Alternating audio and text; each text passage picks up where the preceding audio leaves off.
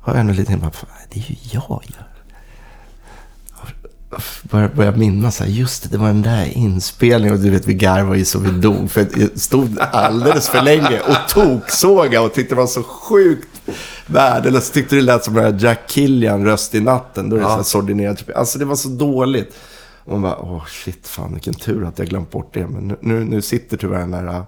Nu kommer jag inte glömma bort det än i och med att det var så absurd upplevelse att man stod och sågade sig själv.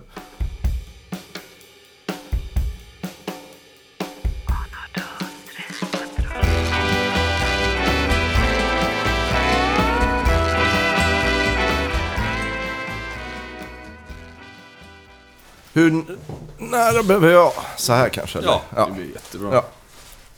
Vi börjar prata vanligt. Det... Jag behöver inte skrika alltså. Om du inte vill. Lasse, Lasse Kongo. Ja. Jag slår över här om du gör det. Du kan ju... Ställa om kompressorn och sen trycker ner. Eh, ja, men... Fan vad bra. Har du, har du hört något av det här? Ja, Ja, men då vet du ungefär. Ja. Det frågas och så svaras det. ja. Jag har hört eh, några, inte jättemånga, men Jojje har jag hört. Vilka fan är det mer? Ja, men det är några stycken. Jag lyssnade på Ann-Sofie också. Det var lite roligt, för henne liksom... Jag vet vem hon är och sådär, men det är ganska roligt med sådana som man inte har någon aning om Mm. hur de liksom tänker. Och... Mm. Men det är alltid kul. Sådana program är jävligt roliga oftast. Mm. För folk gör ju så jävla mycket grejer och har gjort så mycket. Och liksom, det är jävligt kul att lyssna på. jag. Men det har väl gjort hur många som helst. 53 är det här. Jävlar alltså. Eh, musikhistoria. Ja. Som ska finnas kvar så länge internet finns. ja. Så. De kanske stoppar in det i visarkivet till slut. Ja, det är där jag får sitta. Ja. Eh, ja, men eh, känner du att du är redo? Jag är väldigt redo. Fan vad bra. Välkommen hit Goran Kaifes. Tack så mycket. Eh, det här är Jag spelar för livet. En podcast. Eh, där vi pratar med de eh, finaste musikerna som finns i Sverige och ja, några från andra länder också. Som har varit här. Två körde vi på engelska, men idag kör vi svenska, tänker jag. Inte kroatiska då? Alltså jag, jag är halvpolack. Ja, men vi skulle kunna komma en liten bit Ja, lite, såhär, lite slaviskt. Halka oss, halka Ja, oss fram halka oss lite. runt lite. Ja.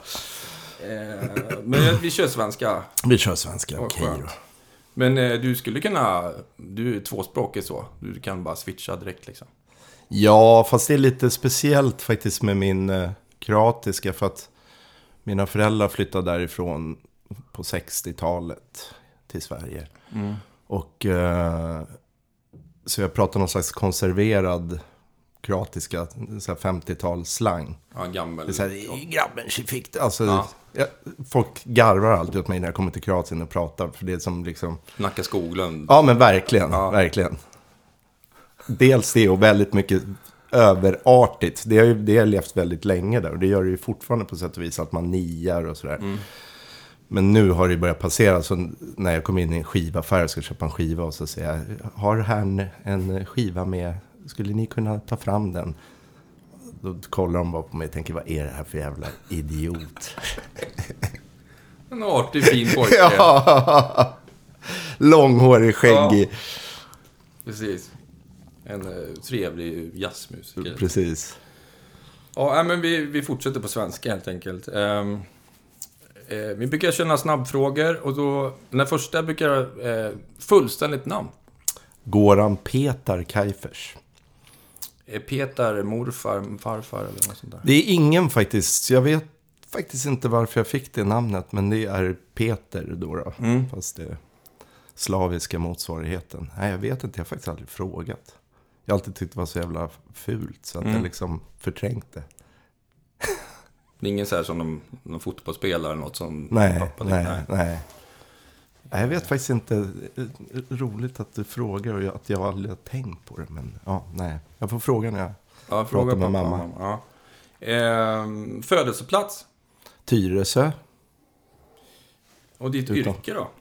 Jag är trumpetare, såklart. Mm. Sen gör jag mycket annat. Jag gör filmmusik och jag producerar skivor och jag... ja, Jag gör det som trillar på mig. Jag tycker det är ganska kul att och göra väldigt mycket olika saker. Jag blir väldigt inspirerad av det. Mm. Du startar mycket band också. Ja, Eh, det är nästan som man ångrar sig. Så här, Nej, fan nu blev det ett nytt band igen. Men man kan, jag kan inte låta bli. Det är mycket det. Men är det oftast du som så här, kommer på någonting och sen så bara, fan det här har vi inte gjort. Och så ringer du runt lite. Alltså, de föds ju på olika sätt alla band. Men, men är, jag är nog ofta den som liksom tar tag i och ser till. Ja, men nu spelar vi in och nu gör vi en skiva. Och, och nu åker vi ut och spelar och så här. Så att jag är ganska initiativtagande till Mm. det ofta liksom. Men eh, som sagt, det är, alltid, det är olika skäl till att band har bildats alltid såklart. Ja. Eh, jag tänkte jag skulle läsa upp några som jag vet att du är med i. Sen Mm. har jag ingen jättekoll på om du har kanske startat alla de här. Men vi har ju Oddjob då. Mm. Och sen har vi Nacka Forum. Mm. Sen har vi eh, Goran Kaifes Subtropic Orchestra. Mm. Jobbalights. Mm. Men vi har bara spelat fyra gånger till. Ja, men det är ju Men det är ett band. skitbra Ja. band. Fantastiskt band. Eh, och så Jazzoo, eller Jazzoo. Ja, vårt barnprojekt med Eh. Oddjob. Ja, precis. Och sen har jag eh, Fire Orchestra. Ja, men där har jag bara halkat in. Ja. Är det några säga. fler som eh, du... Ja, sen har jag ett band som heter Tropic. Som Just är någon slags derivat av orkestran kan man säga. Och sen har jag även ett nytt band nu som heter Magic Spirit Quartet med en marockansk musiker. Som mixas just i detta nu. Han kanske har slutat för dagen, men, men jag sitter här och han, han får fria händer. Är det så? Nej, man, men, men det, jag kan tycka det, ibland är det bra att vara med och sitta, men ibland blir det att man sitter och så liksom stoppar man deras flöde lite. Så att jag tycker det är ganska skönt ibland när de får sitta själva och så kommer man med feedback Mm. längs med vägen liksom. Men det är lite olika. Vad gör den här marockan med instrument? Vad sa du? Med en marockansk... eh, Ja, det marockanska projektet. Han, är, eh, han spelar gimbre som är ett eh, ett ganska basigt rytmiskt instrument som är gjort av typ, har två och en halv strängar. Och så är det lite kamelskinn. Mm. Ja. Väldigt coolt instrument som man då spelar mycket i den musiken som heter gnawa musik som är traditionell marockansk. Men sen är han sån här multi. Sen sjunger han helt fantastiskt. Så spelar han oud och så spelar han balafon och så spelar han gitarr och så spelar han piano. Han är som en riktig multimänniska. Men med oss spelar han oftast den här gimbren. Och honom träffade jag på en festival i Marocko. År 2003 tror jag det var. Och blev jätteförtjust. Så här var det. Vi var där, vi skulle spela med marockanska musiker. Vi fick spela med en, en marockansk slagverkare som hade spelat med Sting. Som var så här super slick snubbe, hade så här mikrofoner i händerna. Och det var väldigt så här... Ah, o, inte den traditionella som man gillar, utan han var med inne på det här slagverk och väldigt så här tekniskt. Och, Så jag var lite besviken på honom och det samarbetet. Och sen gick vi ner till hotellet efter spelningen. Och då stod han som var festivalarrangör. Och gick upp på scenen och började sjunga och spela Gimbre. Och var helt jävla otrolig. Vi bara ramlade av stolen allihop. Och jag tänkte, fan han som liksom... Om festivalarrangören är tusen gånger bättre än det här. Liksom, hur fan går det till? Men då visade det sig att han, det var den här Majid Becka som jag spelade med. Att han, han är musiker, men han höll i festivalen där. Och har turnerat och spelat med Pharoah Sanders. Och han har spelat med Peter Brötsman och så här. Så att han var ett stort namn, jag hade bara inte koll på det. Och sen har det då tagit 15 år. ja, 15 år tills vi... Vi har spelat några gånger ihop på vägen. Men tills det blev ett band så tog det 15 år. Så det är väldigt kul Mm. att det kom dit. Så det är en 6-7 band som ligger Ja. och skvalpar Ja. fram och tillbaka. Ja. Och, och du skapar den mesta musiken tillsammans med dem då? Eller är det du nästan alltid som... Nej, Audiob är extremt... Det är också olika. Mm. Audiob är extremt kollektivt. Vi är ver- verkligen så att vi gör musiken ihop. Det är ingen som kommer med noter dit. till, till våra, när vi gör låtar och sådär. Utan vi kommer med, någon kommer kanske med någon grundidé och sen bygger vi ut det själva. Så att det är ett väldigt sådär überdemokratiskt band Mm. skulle jag säga.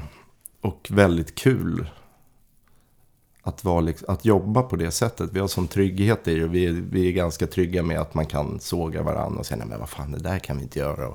Mm. så det är en jävligt kul process och det kommer oftast väldigt bra grejer ur det.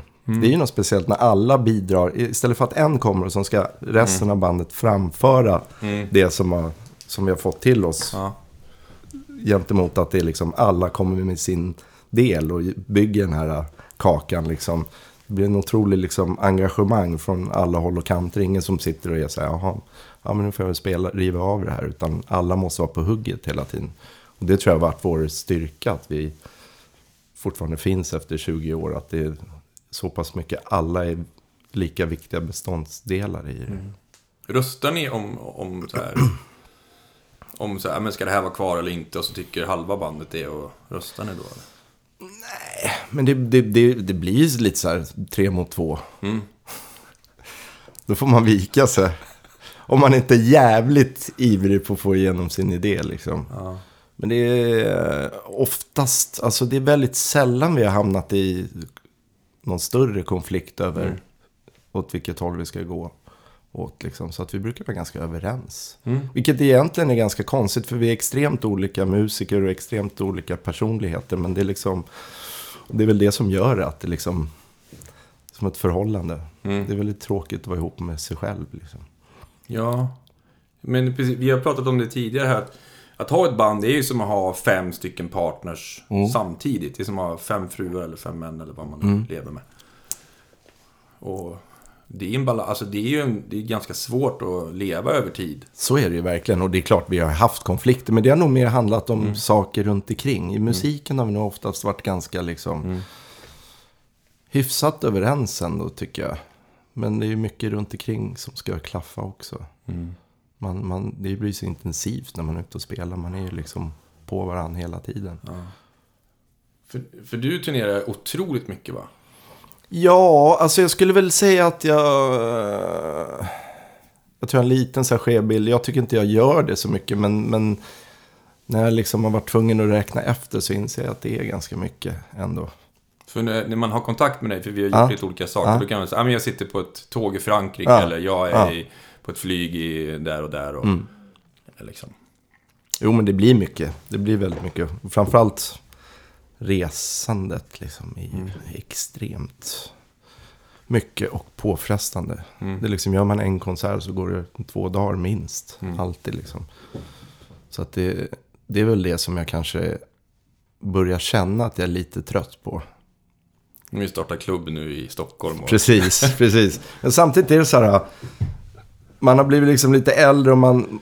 När man väl spelar, då är man, har, bli- har vi nog alla vi, som vi spelar med, det måste bli skitbra. Det kan inte bli något så att någon har dragit tre öl och, och det är lite sladdrigt. Utan det är så här, nu har vi fan rest i en dag liksom. Nu ska vi fan inte slarva bort det här, för då kommer det vara ångest. Om man har gjort dåligt gig och har varit borta länge, då är det, då är det hemskt liksom.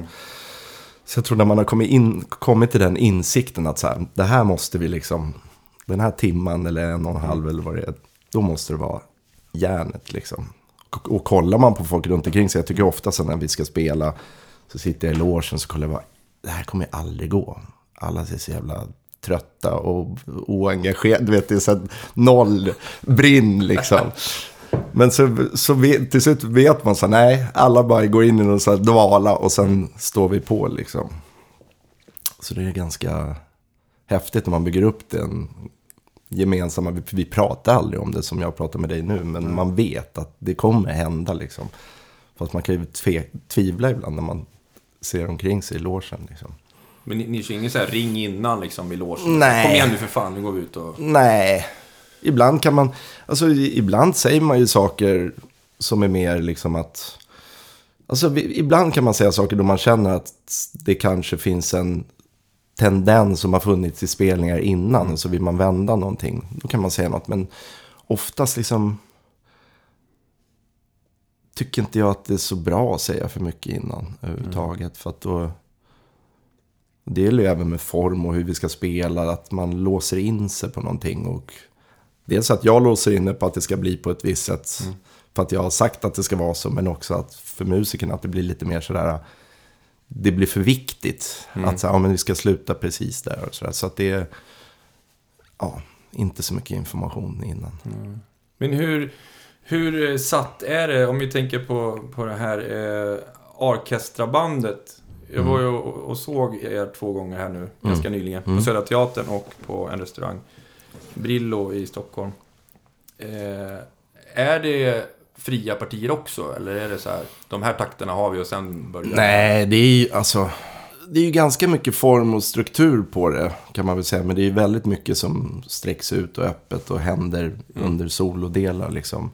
Men, men det försöker vi, det tampas man ju med också. Hur, hur man ska hitta den där gyllene balansen mellan att det känns fritt. Men samtidigt så vill man ju att de här små temadelarna och allt vad det är ska vara på plats.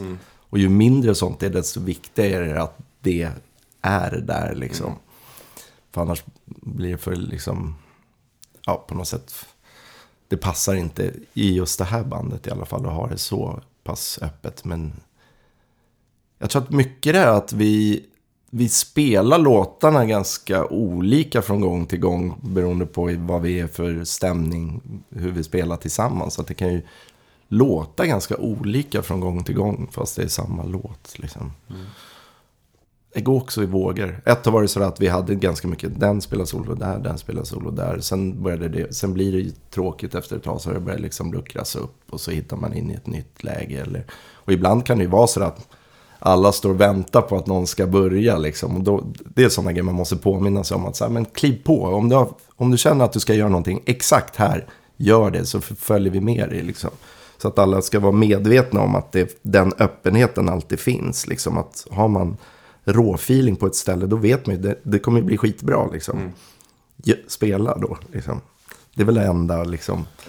Och i och med att man är många så är det ju lite så också att det blir svårare skepp att styra när man är flera liksom. Och, och tänka på vem som spelar solo och hur och var och när. Och liksom, det, det, det blir, man blir lite mer... Man måste bestämma lite mer för att det ska funka tycker jag. Mm. För där, den musiken är din musik. Det är min musik och det är också en jävla massa covers. Från all, ja, hela världen. Mm. Allt möjligt. Tysk elektronika, brasilianskt. Eh, Vad sa du? Fransk psykrock? nej, turkisk psykrock. Ty- Turkisk? Ja. Uh, ja, det är ju en jävla blandning. Ja, pop, amerikansk pop och... Ja, det, det, är liksom, det har varit låtar. Det, det, det kom egentligen från att jag gjorde en skiva som hette XY. Som var med min musik. Och så eh, då bildades Arkesan i studion. Och så eh, tänkte jag bara att fan vad kul det vore att och liksom tolka den musiken som har inspirerat mig till att göra den här skivan. Så att det är liksom en liten baklängesgrej. Att man på något sätt visar på inspirationen till den X i skivan. Och att jag tyckte att det var ganska skönt att inte behöva sitta och komponera utan att man får ett momentum och man kan, det kan gå lite raskare när man jobbar med låtar på det sättet. Samtidigt som vi hade ett, kände vi att vi hade ett gemensamt sound Mm. som var klart och tydligt. Så då kan man, då kan man kosta på sig att ha så pass olika grejer för att det låter ändå lite som oss. Fast det är, lyssnar man på originalen så är det ju mm, miljarder mil ifrån varandra liksom ibland. Ja. Eh, för att eh, vi var såg det, då hade jag med en gitarrist som spelar metal och jag så här övertygade honom om att vi ska gå och se det här, det är jättebra. Ja. Och han var så här, okej, ja men han var öppen liksom. Ja. Och, och, men det är ju också tungt och rockigt och liksom, det fräser ju på. Ja, ja. Det är ju inte någon så här bebop-jazz liksom. Nej, nej. Och han var, så, han var helt knäckt över hur bra ni var Ja, att vad spela roligt. liksom. Vad kul. Ja, men han var verkligen så här, han bara, alla är ju högsta världsklass liksom. Ja. ja, kul att höra. Eh, han är från Brasilien och... Så Ja, han, men någon de träffade kanske. Ja. Ganska lång kille Ja. med samma frilla som Mm. jag typ. Just det. Som tog Just selfie det. med dig. Just det, just det. Ja, Ja, men han, han var ju helt knäckt. ja. roligt. Han, bara, han var också helt knäckt över hur bra svenska musiker är. Ja. ja, det finns fruktansvärt mycket bra musiker. Och, och där stod ni och liksom, alla är liksom det bästa på varje instrument och spelar tillsammans. Och, och, och det är inte alltid det blir bra. Nej. Man samlar Nej, nej, nej, absolut bra. inte. Så här, du är bäst på det. Det är inte säkert det funkar. Nej. Men det här bandet gör det. Ja. Men det, jag tror att det liksom, där har jag ju såklart tänkt på vilka jag vill ha med och vad jag tror kommer funka. Så det tror jag är, om man ska skryta för, i en liten sekund, så att jag är ganska bra på att liksom samla konstellationer av människor som inte blir... Ibland, vissa har en tendens att sätta ihop grupper då alla är lite snarlika. Då är vi där på det där med vem man är.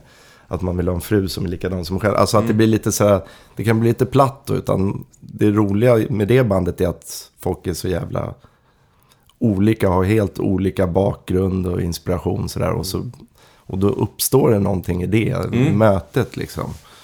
Och man inspireras sjukt mycket av varandra för att alla tänker så olika liksom. Mm. Men sen har vi spelat, det, den spelningen ni var på, vi har ju spelat jävligt mycket i år. Så att det blir också, han kanske inte hade blivit lika impad i februari, jag vet inte. Jo, det tror jag. Jag vet inte om du kommer ihåg det, men jag hade ju med, en annan gång så hade jag ju med en journalist från Ro- Rolling Stone Magazine. Ja. När du spelade på Fasching. Just det. Som skrev något så här, ja men det här är lika bra som, då, då tog han så här Miles, Duke Ellington och någon mer så här. Han bara, det är Goran Kaifes liksom. Ja, ja. Och jag kommer ihåg att du hade lite svårt att ta till dig det. Ja, men det är alltid svårt. Jag älskar att folk säger fina saker. Ja. Alltså det, det, jag tycker det är underbart. Alltså det ger en otroligt mycket energi. Men, men samtidigt så... eh, Jag blir jävligt röd i ansiktet. Ja. Jag tycker det är genant. Och sen tycker man ju... Man, det är svårt att själv liksom se... Ja, Louis Armstrong. Ja, Mm. jo. Alltså, Det är jag, för mig är alltid Louis Armstrong tusen gånger bättre. Och Mm. kommer alltid vara liksom. Mm. Ja men så måste det kanske vara. Ja. Ja, men det har varit jävligt kul med det projektet. För att jag tror att det attraherar liksom folk från lite... Precis i och med att vi är så olika så ge, ger det en öppning till folk som kommer från olika håll att tycka Ja. om det också. Och även hur musiken är. Att det är musik från alla möjliga håll och kanter. Så finns det liksom en ganska öppen liksom känsla i det som jag tror att folk kan ta till sig. Just Ja. att det finns, alltid, det finns alltid något för någon liksom. Ja. Verkligen. Ja, ni är ju fan grymma alltså. Jag tänkte vi skulle gå tillbaka lite när du var lite mindre då. Mm. Vad är ditt första musikminne när du är liten liksom? Alltså jag... Jag... eh, Jag är liten så jag kommer inte ihåg extremt mycket. Men jag vet ju några moment som är liksom väldigt stora för mig. Och det var när jag hörde Dizzy Gillespie med en låt som heter Manteca. Då gick jag helt i taket. Det var en så här tydlig liksom, låt som jag kände, fan vad det här är bra. Och den har ju den här... Äh, det är lite lustigt för att den har lite det som jag tycker om. Att det är en blandning mellan en bebop-låt och en kubansk liksom. Som, som är latinamerikansk stil på den liksom. Jag tror att liksom, och det har följt med mig på något sätt. Att jag kanske aldrig har varit så här ultra bebop liksom lyssnar Utan jag har gillat de här, då det blir någon konstig mix av någonting. Så att där kan det nog ha fötts. Men sen var det också, min pappa är pianist. Och eh, jag spelade klassisk trumpet när jag började. När jag var tio år. Och spelade på konserter med orkester och grejer när jag var 15. Jag hade ganska lätt för mig. Det, jag brukar alltid säga att det är helt bortblåst nu. Men då hade jag lätt för mig i alla fall. Men då skrev han en blues till mig som vi spelade på någon sån här skole, liksom musikskolekväll. Och det var jävligt stort, för det var ju så första improvisationsmoment liksom. Det var verkligen fatta tycke för och känna att fan det här är ju min grej. Så det är nog de ögonblicken jag minns Så din bäst. pappa skrev en blues till dig? Ja, Fan vad fint! Ja, väldigt gulligt. Men vi spelade mycket redan innan. vi- Han, spelade, han är ju klassiskt utbildad för det var ju det enda som fanns i Jugoslavien på den tiden. Så att vi spelade ju trumpetkonserter och han kompade alltid med. Det var ju allt från så här Hindemith, så här modernister till allt möjligt. Liksom Haydns trumpetkonserter och gud vet vad. Men just när, när, när vi började komma in på det där och han introducerade det för mig, då var det verkligen så att man började känna, fan det är i det här elementet jag trivs absolut bäst. Kände det passade mig mycket bättre. Så ni hade ett litet band som åkte runt och spelade, bara ni två? Nej, utan vi spelade oftast nere i källaren. Och sen hade vi en, var det någon konsert någon gång och så var det kanske, det var mer på den nivån. Jag var ju liten liksom. Mm. Så spelade man liksom när det kom gäster och mm. sådär. Så att, eh, mer att bara spela med honom. Han var aldrig så bra på att lära mig saker. Mm. Men han var jävligt pigg på att alltid spela med, med mig, vilket var ju fantastiskt. Det är han fortfarande, vi spelar lite ihop fortfarande. Brukar han sitta in om ni kör på så här? Han har gjort det några gånger faktiskt. Han var med på en konsert på Kulturhuset. Spelade nog fan dragspel, för det var hans första instrument. Så han var med med Magnus Carlsson när vi hade det här Moonray Quintet jazzbandet en gång. Då skåpade han ju fullständigt. Då kom det vara en massa kvinnor som blev helt kära i honom. Eh, så att, ja, det händer då och då. Vad köpte du för skivor då? Liksom, men jag köpte mycket jazz. Mm. Alltså, väldigt, jag var helt inne på jazz redan i tidig ålder. Liksom. Alltid tyckte om det. Och sen fanns jag behövde inte köpa skivor. Men källaren var ju full med jazzplattor och klassiskt. Men jag lyssnade ju mest på jazz. Men sen började jag nog höra liksom andra grejer via min syrra som var sju år äldre och började lyssna på allt möjligt kom det in influenser därifrån. Och sen kom ju hela det där, man kom i tonåren och då var det ju hiphop, hela den första hiphop-vågen liksom. För det det som gällde ute i Älta där jag bodde. Så var det breakdance break och ja. bagera overall och gud vet vad. Run DMC och... Ja. ja. Men det var ju fantastiskt. Det var ju så mäktigt. För då, då, som det alltid, då ledde ju det in på liksom James Brown. Och man hörde ju allt. Liksom Prince. Och då kommer ju allt det på ett, som ett brev på posten. Så att det lyssnar jag också mycket på. Mm. Och sen var jag liksom, började jag gå i skola i stan. För jag hade lite problem i plugget i Älta. Och där var det synt som gällde. Så då hörde jag en massa liksom, syntgrupper som gällde då. Det var ju allt möjligt. Kanske inte så mycket som var har fastnat kvar hos mig. Men ändå, man blir påverkad av det. Så jag hade, ett år hade jag den här Bagheera-overallen och syntfrilla. Så det var väldigt schizofren mm. framtoning. Men det tror jag också färgat mig. Ja, men det, är det här det, att man ja, är liksom... Allt på en gång. Ja, att jag liksom hittade någon identitet i just det här mm. spretiga liksom. För det var jävligt töntigt att lyssna på jazz. Alltså i min, med de jag hängde. Det var ju så här ingen som lyssnar på jazz. Och spela trumpet var ju också skittöntigt liksom. Men jag var väldigt dedikerad redan. Alltså jag märkte att det är som för alla. Man märker att man är bra på någonting. Mm. Det är klart att man liksom ger sig hän till det. Och det gick väldigt lätt för mig i början. Så att jag liksom, det var ju många gånger då jag var så här, äh, men jag hänger inte på ute då. Jag sitter hemma och övar liksom redan i, då jag var 11, 12. Ja, det, tonåren var ju ännu värre liksom. För då var ju folk som, skulle, skulle du sitta och öva trumpet? Vi ska ut och göra en graffitimålning nu. Vad, mm. vad gör du liksom? Men eh, jag var väldigt liksom bestämd att det var det jag skulle göra. Vilket jag blir fascinerad av. Jag har inte alls samma karaktär nu. Men då hade jag nu är du ute och målar graffiti hela Nu målar jag graffiti varenda jävla kväll. Alltså. Jag är aldrig hemma. Nej, men det, det är lite lustigt att, att liksom blicka tillbaks på den tiden. Och, tänk, och, och, och jag kan fascineras över att jag var så liksom bestämd på att det var det där jag skulle göra så tidigt. Du, du var inte så här, men jag, om, om det inte funkar med trumpeten då ska jag bli busschaufför? Nej, nej, det var liksom trumpet. Men sen var jag i och för sig, sen började jag gå i, när, i gymnasiet gick jag inte på Södra Latin som alla andra. För då var jag, var jag i och för sig sjukt intresserad av kemi och matte och sånt. Så jag hamnade på naturvetenskaplig ute i Nacka gymnasium. Vilket också var skitkul. Men det var, jag höll på mycket med musik redan då. Så att det var inte så att det var liksom... Det gick i någon slags träda. Det var mer att jag inte var så sugen på att gå på Södra Latin. Mm. När satte du upp ditt första band då? Mitt första band? Vi hade ju ett band som hette Happy All Right. Som var någon slags funkpartyband. Som vi spelade jättemycket med. Och det var väl... Jag hade ju spelat med andra band innan. Men det var liksom ett band som man var en medlem i verkligen. Och det var... Hur gammal var vi? Kan jag ha varit? Då var jag inte så jävla ung. 19-20 kanske. Något sånt där. Det kommer säkert någon ringa och rätta mig Mm. efter det här programmet. Någonstans där kring. Men sen spelade jag ju liksom. med- Började spela med något bluesband och spela med något reggaeband. Och... I och för sig, då var jag ung. Jag spelade med Tony Ellis. Ja, ja, det. Ja. Det var länge sedan. Men när fan var det? Ja, då var jag inte stor. Då fick jag spela med David Wilczewski, vilket var ju liksom Wow. overkligt mäktigt. Det var så här liten trumpetare och han var ju så fin och mjuk person. Och verkligen lätt att få att spela med och hänga med. Liksom. Det var väldigt stort. Och det är ju ganska tidigt. Måste jag nästan varit 17, 18 eller något sånt där. Så att du nästan inte kom in på de krogarna du spelar på egentligen. Typ.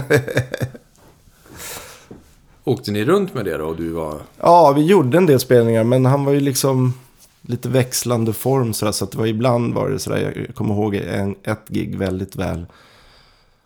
Då han var helt borta och eh, bestämde sig för att göra så här 30 minuters Jimi Hendrix-solo i läderbrallor uppe på Rish festvåning. Och man ville bara sjunka igenom jorden. Det var så sjukt genant liksom. De så här Buffalo Soldier med liksom svinlångt så här gitarrsolo gå ut bland publiken. Det, oh, det var jobbigt alltså. Så var det lite upp och ner med honom. Men det var ju såklart en... Alla, allting är en bra skola till där man Ja. på ett eller annat sätt liksom. Och jag fick ju spela med David och, och det var ju fantastiskt liksom. Vilka var det som var med i hans band då? Tony Ellis, utom du och David? Anders Kapelin som fortfarande spelar mycket, har gjort jättemycket med Syster Sol och alla möjliga. Och spelar med Weeping Willows sen är som deras basist nu. Vilka var det mer? Sen var det en kille som hette Steve på trummor. Och sen var det någon... Jag kommer nästan inte ihåg. Det var någon gitarrist som hette Max. Men jag kommer... De var ju mer liksom reggae-snubbar. Ja, Maxi Dread, de gubbarna. Ja, är det kanske han, Maxi Dread? Var det Ja, så han hette? Är han gitarrist eller? Mm. Ja, men då var det han. Ja, du, var, du har ju varit på Rubadubb, Ja. så du vet ju. Men vilken skola? Ja, men det var skitkul. Och det var så jag kom i kontakt just apropå Rubadubb, i och med att jag vet att du har varit där. Så via det jag kom i kontakt med Tom och började göra mycket grejer där hos honom i studion. Mm. Så att jag kom in lite från det hållet liksom. Men sen var det ju Blackness, nu drar jag bara på ja, här. på. Sen började ju, var ju, körde ju Blackness igång klubben och så var Jon Rekdal trumpetare där först. Men sen av någon anledning så ringde, det var Conny Lindström då som inte ens spelade i Blackness men höll i klubben. Då frågade mig inte jag. Jo, då hade vi spelat med det här Happy All Right partybandet på Fasching. På deras klubb. Och då var han så men ska inte du vara med med Blackness? Och det var ju där det tog riktig skruv. För då började man ju spela med, det var ju artister som kom och gästade. Och så började man spela på deras skivor. Och kort därefter blev det Erik Gadd. Och, och sen var jag inne i popsvängen. Och spelade faktiskt inte så mycket jazz då. Nej. Överhuvudtaget. Blev som min danska kompis säger, jag blev en popdrang. En popträng. Men det måste ju också varit en fantastisk skola att stå där kväll efter kväll och... och Ja, ja, det var fantastiskt. Och det var ju liksom... är nog just i den, i, i den kategori musik med, med Krillan Falk och Martin Jonsson och Malando Gassama och Pierre Svärd, Esbjörn Svensson. Alltså, det var ju så jävla svängigt och så mäktigt band. Ja, Jocke Milder, Ruskträsk såklart, det var ju där vi träffades också. Det var ju fantastiskt liksom. Och framförallt då det var instrumentalt. Sen jag tröttnade efter ett tag, för sen blev det en skivbolagsprodukt kan man säga. Det blev liksom bara gästsångare och allting. Tyckte jag inte det var lika roligt, men, men, men den perioden var ju otroligt mäktig.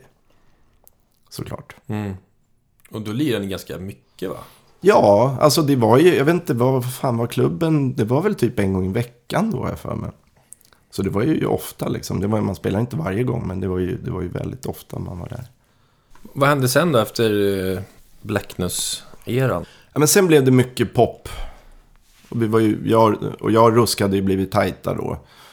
Så vi spelade med Erik Gadd. Och sen var vi lite så att vi, vi kom på liksom att vi funkar så bra ihop. Alltså, det känns konstigt att säga att vi hade liksom en företagsidé. Mm. Men, men vi hade en idé om att vi ville komma in som blåsare till olika artister och producenter. Och liksom inte med något färdigt arr utan att vi skapade arret i studion och att man liksom bollade mer. I och med att vi funkade så bra ihop och var snabba och liksom snappade upp grejer och förstod med frasering och allting så tänkte vi fan men det här är ju skitbra grej att man frågar oss två och så får man lätt att ändra, du vet inte så här, man får ett arr, jaha det där det kanske inte var så kul och sen går blåsarna därifrån utan att vi liksom verkligen jobbade med producent eller artister liksom. Så det blev vår styrka och genom det tror jag vi fick mycket, väldigt mycket sådana typer av studiojobb. Liksom. Att vi var det här paret som man kunde ta in och så även då folk, det är allt från att man kanske inte vill ha ett färdigt blåsare till att vissa är så här, oh jag vet inte, hur, hur ska man göra det här? Ja men nu kommer de två, de kommer styra upp det här liksom. För vi var ju bra på att ta initiativ och, liksom, och, och tog för oss och fattade ganska fort vår funktion i det hela liksom. Så det var, det var en fantastisk tid liksom. Och det var ju jättemycket. Vi spelade på fantast- otroligt mycket skivor och sådär. Så det var fan otroligt roligt. Och sen ur det då föddes, för då var vi ute med Erik och hade varit ute med honom, Gadd, ganska länge och började känna så här, fan vi borde börja spela Vet, man spelat pop länge så är man så här, oh, det kliar lite i fingrarna. Vi har 16 takters solo per kväll här. Och, så vi sa, vi borde ju sätta ihop ett jazzband. Som vi spelar med efter konserterna. Du vet att man är på någon stä- i någon stad och så ska man erbjuda, men vi kan komma ner och lira på eran pub eller vad fan det nu är. Liksom.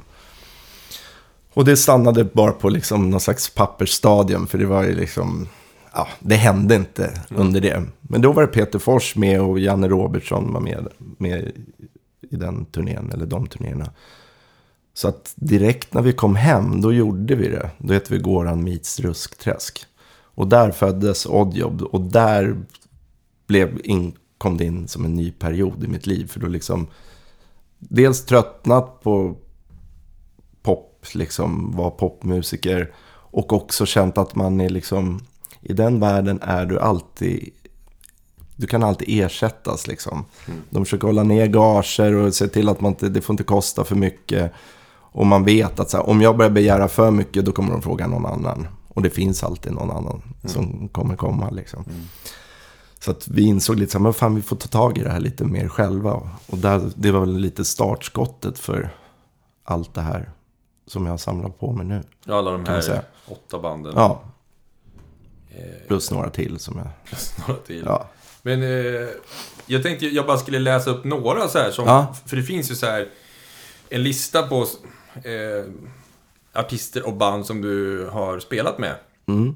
Eh, Fläskkvartetten, Kent, Bruno K. Öijer, Lenny Cherry, Robin, Mando Diao, Lester Bowie, Nikolaj Dunger, Håkan Hellström, ja, stämmer. Janet Jackson. Ja. Det var, det, var, det var en lite speciell upplevelse faktiskt. Berätta om det. Ja, men det var inte, hon var såklart inte där. Oftast är det ju så här med stora artister. Det var en svensk producent som heter Arntor som producerade en låt. Och det var liksom... Det var inget märkvärdigt. Vi gjorde vårt blås. Det, det, var, det, var, det roligaste med den inspelningen var att han hade spelat in henne när hon sjöng Små grodorna, tror jag. Det var liksom behållningen av den dagen. Det är klart att det är mäktigt att man har spelat på en Janet Jackson-låt. Men det var nästan liksom det jag minns mest. Ja. Man fick höra Janet Jackson sjunga Små grodor. Men det är så här, och sen är det så här, eh, Spjärnsvallet som kommer Ja, sen. ja. Freddy Wadling, Ja. José González, eh, Stina Nordenstam, Soundtrack of Our Lives, Weeping Willows till Tio. Eh, Magnus Carlsson då naturligtvis. Monica Zetterlund, Eagle Eye Cherry, Eldkvarn, Infinite Mass, Matte Bye, Bo Kaspers, Steven Simmons och så vidare. Du var, ju- måste ju ha spelat en hel del då. Var det den här liksom perioden när det var Ja. studiogig? Liksom, Ja. När Ja. studio var upp och... Så var det ju, absolut. Jag är ju fortfarande med, jag gör det inte lika ofta. Och det har ju mycket att göra med att jag också är väldigt upptagen med mina egna grejer. Och jag trivs väldigt bra med det. Men jag tycker fortfarande det är skitkul att göra Mm. sådana jobb, eller vad man ska kalla det. Sen är Fläskkvartetten var ju med ett tag. Så Mm. de turnerar ju ganska mycket med. Och lärde känna väldigt väl. Och det var så jag lärde känna Fred i Vadling också. Så vissa av de där, vissa av de där är så här, ja, Mm. små grodorna. Och vissa är liksom, har man spelat mycket med. Ja. ja. Stina Nordenstam var en sån här otroligt minnesvärd inspelning. För att få kliva in i hennes värld liksom. Väldigt speciellt. Väldigt liksom... Visste precis vad hon ville ha och liksom extremt noggrann. Så att det näst, alltså det, på ett sätt var det jobbigt, men det var inte jobbigt för att det, man visste att det här kommer att bli bra liksom. Jag kände det på mig och att, och att jag hade väldigt stor respekt för henne liksom. Men det var väldigt kul. Vissa träffar mig lite då. Stina Nordenstam, då, det är liksom, ja, man träffar henne när man spelar in. Sen har, man, har jag inte Mm. träffat henne varken före eller efter. Det var väldigt fint ögonblick att få liksom verkligen kliva in i hennes musikvärld liksom. Mm. Så där var det inte alls att jag sa, men vi kanske så mycket Nej. kanske ska göra. Utan det var, hon hade det ganska glasklart vad hon ville ha och inte ha. Det var rätt och klart redan när ni kom, eller? Det mesta. Jag tror att jag säkert gjorde några grejer. Det brukar ju vara så att man, man ändrar någonting. Men, det, men jag kommer ihåg, det var någon grej som var så här. Jag ska spela någonting lågt med sordin. När man har sordin då blir det lätt lite skevt liksom. Det var, jag fick ju ta om det 115 gånger liksom. För man nej, det är inte riktigt rent där nere. Så, jag. ja, det är väldigt svårt liksom. Efter ett tag börjar man bli så här, fan vad svårt, så här, jag måste få till det. Men eh, det var helt klart värt det när man hör resultatet liksom. För vi, vi har ju gjort li- lite grejer, eh, precis som du säger, att jag ringde dig och Ruskträsk. Mm. Vi skulle göra någon eh, SVT-produktion som heter eh, Poppoesi, Mm. där artister, eh, som du själv eh, var med i i år, som, som dig själv om man säger Mm. så, som Mm. ditt band. Men då ringde och så var det några artister, Stefan Sundström var någon och sådär. Och då gjorde vi Njarren på plats Mm. i Atlantis.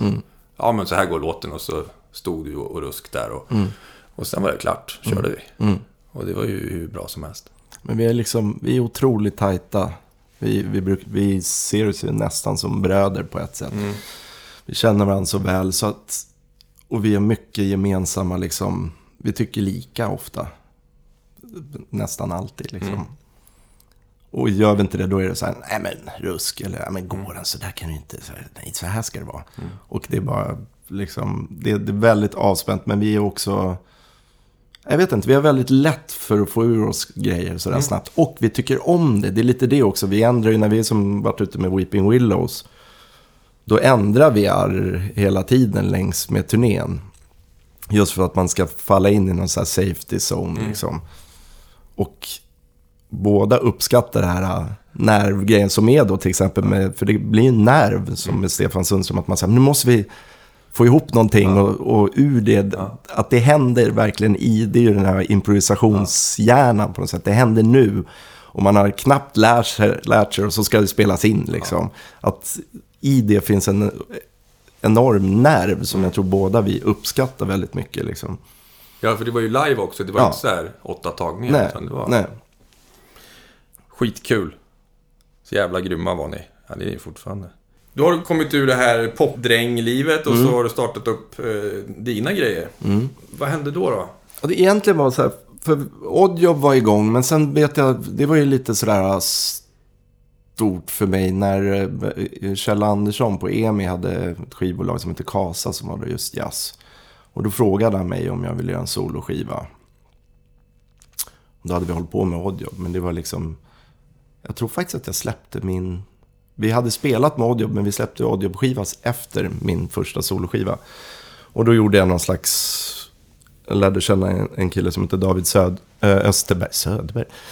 David Österberg som äh, var med i ett band som heter Lucky People Center. Som var lite så här techno med projektioner och jävligt coolt. band. Johan Söderberg, det var därför jag sa Söder, Söderberg var med där också. Som är numera klippare, klipper liksom projektioner åt Madonna och Mm. så. Han är slagverkare. Han var med i Fläskkvartetten också. Innan Morgan Ågren. Så att jag, vi fattar tycke för varandra. Jag tänkte fan vad kul att jobba med någon som kommer från ett helt annat håll. Och ur det föddes min första soloplatta då som heter Home. Och eh, där började jag liksom få vittring på allt det här. Liksom, att, att liksom ha eget band och, och liksom driva det framåt. Och det gick jävligt bra fort. Liksom, för jag hamnade på Blue Note, gav ut den skivan i Frankrike och sådär. Så det blev liksom ganska bra rulle direkt liksom. Så det var liksom, ihop med Oddjob var det startskottet. Vad var frågan? Jag har redan glömt bort. Nej, Jag bara babblar. Ja, Jag är på rätt väg i alla du är fall. på rätt väg. Ja. ja, men sen... Sen har det bara växt fram ganska naturligt tror jag det här att det liksom har blivit mer och mer eget. Och jag har väl haft ett liksom... Jag brukar oftast inte tänka så mycket utan jag gör. Men det jag har ju... Om jag ser bakåt så hade jag en ganska tydlig liksom mål. Ett mål att nu jag ska göra mina egna grejer. Det är det jag vill göra för att jag kände att det gav en så mycket mer liksom. Uh, när man får liksom, när man kan duka upp liksom det rätt, ens perfekta liksom omgivning för att spela i. Det är klart att det är fantastiskt liksom att, att spela med dem som man verkligen, det, det är väldigt speciellt. Så det var väl liksom, där började det bli mer och mer eget. Sen har det bara naturligt på något sätt fortsatt på den vägen och blivit mer och mer. Och man får mer och mer spelningar och det har liksom byggts på. Och nu gör jag ju i princip mest egna grejer. Mm. I princip. Vilket har ju varit otroligt kul. Ja. Men det har ju inte varit en räkmacka.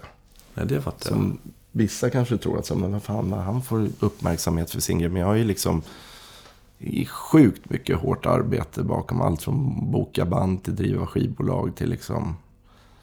Det är ingen lek alltså.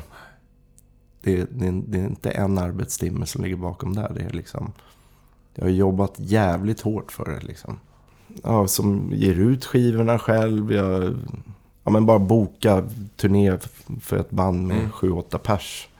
Resor och alla på olika platser. Redan det i sig är liksom ett Det är mardröm. bara halvtidsarbete Ja. liksom. Om man ska göra ett, ett gäng med gig.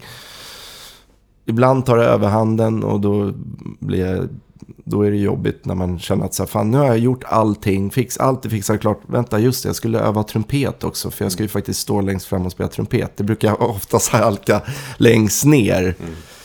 Vilket, just när man har egna grejer. För att det är så mycket runt, och, runt omkring hela tiden. Så att det är ju eh, speciellt. Men det har jag också lärt mig att på något sätt leva med och blivit bättre på att hantera liksom skillnaden. Att allt som händer innan och efter och fokuset på scen. Liksom. Mm.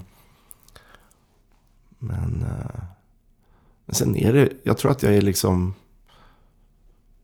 Jag kan inte värja mig. Det kommer en ny idé och så måste jag genomföra den. Och det liksom kommer än så länge fortfarande hela tiden nya saker jag vill göra. Så att det finns någonting som driver mig framåt hela tiden. Och vad fan, det där måste jag prova. Och så jag har alltid så tre nya projekt i huvudet som kan ta tio år innan jag gör eller fem år. Men det finns alltid saker som jag är nyfiken på att göra. Liksom. Och, och det har alltid varit viktigt med mig, apropå det där med, med olika band. Mm. Där har jag varit lite, alltså lite som en skådespelare. Att man har lite olika roller i alla sammanhang. Liksom. För jag vill inte att det ska låta likt och jag, jag kan gärna vara lite formbar i de olika sammanhangen. Att det är så här, men jag spelar alltid så här, sen får det liksom... Mm. Utan jag är ju ganska sådär... äh, Jag kan modellera mitt sätt att spela liksom. Och det har jag alltid tyckt... För mig har det varit viktigt att... Okej, du kan ha åtta band. Men du måste liksom hitta en karaktär i alla de olika banden. Det, kan, det låter snarlikt. Då är det så här, men varför har jag de här två om de låter likadant? Så Mm. det har alltid varit en grundtanke för mig att vara liksom hitta det specifika liksom uttrycket i alla grupper liksom. Ja, för det, det slog mig lite när jag var och tittade på... Det är inte så här att de andra kompar dig och du spelar solo Nej, nej, i nej. ditt så Yngve inte. Utan det är så här, vi är det här bandet och Ja. eh, du delar verkligen ut solon. Ja. Och, Men jag är ganska ointresserad av, av just den där att jag måste vara någon slags huvudperson. Det är, det är inte riktigt så jag tänker. Utan jag vill att vi gör någonting jävligt bra tillsammans. Sen i vissa kvällar så kan jag spela skitmycket. Men det är bara för att det liksom blir så. Men, men det, ska, det, det är inte så att det måste säga, nu går jag fram tre steg och nu ska jag visa vem jag är och göra min lilla show-off-grej. Liksom. Jag är fullkomligt ointresserad av det. Men det är inte sagt att jag vill spela solo liksom, och gärna brodera ut. Men, men, men jag, det är inte det viktigaste. Och, och framförallt inte i ett sånt band som Subtropical Orchestra. Då vill man ju att det... Där har jag nästan varit åt andra hållet. Att det är så här, "Nej, men, nej, trumpet, jag vill inte höra. Jag hör inte trumpet i den här låten. Det finns till och med låtar som jag, det har inte folk tänkt på som jag inte ens spelar på. nu spelar du bongos eller? Ja, ja men du vet alltså att vissa på skivan, jag spelar inte ens trumpet. För att jag tycker, nej men det passar inte här. Så att det är mer ett sånt förhållningssätt. Det är inte så att jag liksom tycker att, att jag på något sätt är den viktigaste beståndsdelen. Men jag, men jag iscensätter saker, det är mer det liksom. Och du får dem att komma dit och stå Ja. på samma ställe och spela musik som... Ja, och ger dem väldigt mycket frihet. Mm. Och vi har liksom med inspelningarna med de skivorna har ju varit... Första skivan repar vi en dag innan. Mm. Andra skivan, då spelade jag upp allt i studion. Och så spelade vi in det direkt i princip. Liksom. Eller vi arrade upp. Och, ja, jag är ganska bra på att arra instant i studion. Men vi liksom gjorde det ganska sådär. För att jag kände just det där med att när alla är på tårna och det finns en liten så här spänning i det och att det får också, det kan halka åt andra håll än vad man har tänkt. Istället för att man säger, det här är körschemat liksom, så kan man hamna lite var som helst om man håller det ganska löst. Och alla är så pass bra så att man litar på alla och att alla tillför sin grej. Och liksom. Så att det har varit liksom nästan en liten sån, jag har tagit det helt till sin spets. För den tredje skivan, då var det ju liksom Det var ju nästan vissa låtar som man, här, man jublade efter att man ens hade tagit sig igenom det. Liksom. För det ganska svåra låtar och så har man jättekort om tid och alla ska bara göra sitt direkt. Liksom. Men det, upp, det, det blir något jävligt bra av det. Jag gör det ju inte för att jag är slarvig, utan jag gör det för att jag in, tycker det är spännande att se vad som händer när man tar det till den punkten. Och Liksom. lirar ni in det typ live eller? Ja, ja. Ja, fan vad härligt. Det är oftast, alltså... Jag skulle säga max två tagningar. Oftast en tagning. Mm. Så, fort vi har tagit igenom oss den, då, då är det en tagning. Nej, men nästan så. Vi mm, brukar inte älta tagningar så mycket. För du har ju producerat en del. Ja, Eh, föredrar du att göra så som du gör med din egna band? Att det är liksom lite liveigt och tagning liksom? Eller Ja. har du också varit med om så här, ja vi syns, trummisen kommer den här veckan, nästa vecka kommer basisten. nej, nej. Inte så mycket. Jo, i och för sig till Tios skiv, skiva Hidden. Det, där var ju, men det var ju mer elektronisk miljö och då är det en helt annan grej liksom. Då var det lite som min första skiva. Då satt vi och duttade med i evigheter. Det är ett annat förhållningssätt. Men jag känner väl mer och mer att jag glider ifrån det. När man märker att det funkar på det där sättet så är det skönare på så många sätt. Liksom. Mm. Så att jag föredrar att det händer här och nu liksom med alla. Jag är inte så intresserad tror jag av att sitta så här. Bas och trummor. Okej, nu lägger vi gitarr. Alltså, för mig är det lite onaturligt sätt att Mm. göra musik på liksom. Och de har inte sett dem i bandet liksom eller? Nej. Men ju- man spelar ju, alltså ett bra band, då spelar man ju på varandras, allt vad man gör liksom. Det är det man vill åt liksom. Och alla ser varandra när man spelar in Ja, och så här. Och också det att det faktiskt blir, oj, där halkade den snett. Och, och alltså allt det ger ju liv till musiken liksom. Mm. Så att, ja, nej, jag föredrar nog det. Om jag får välja.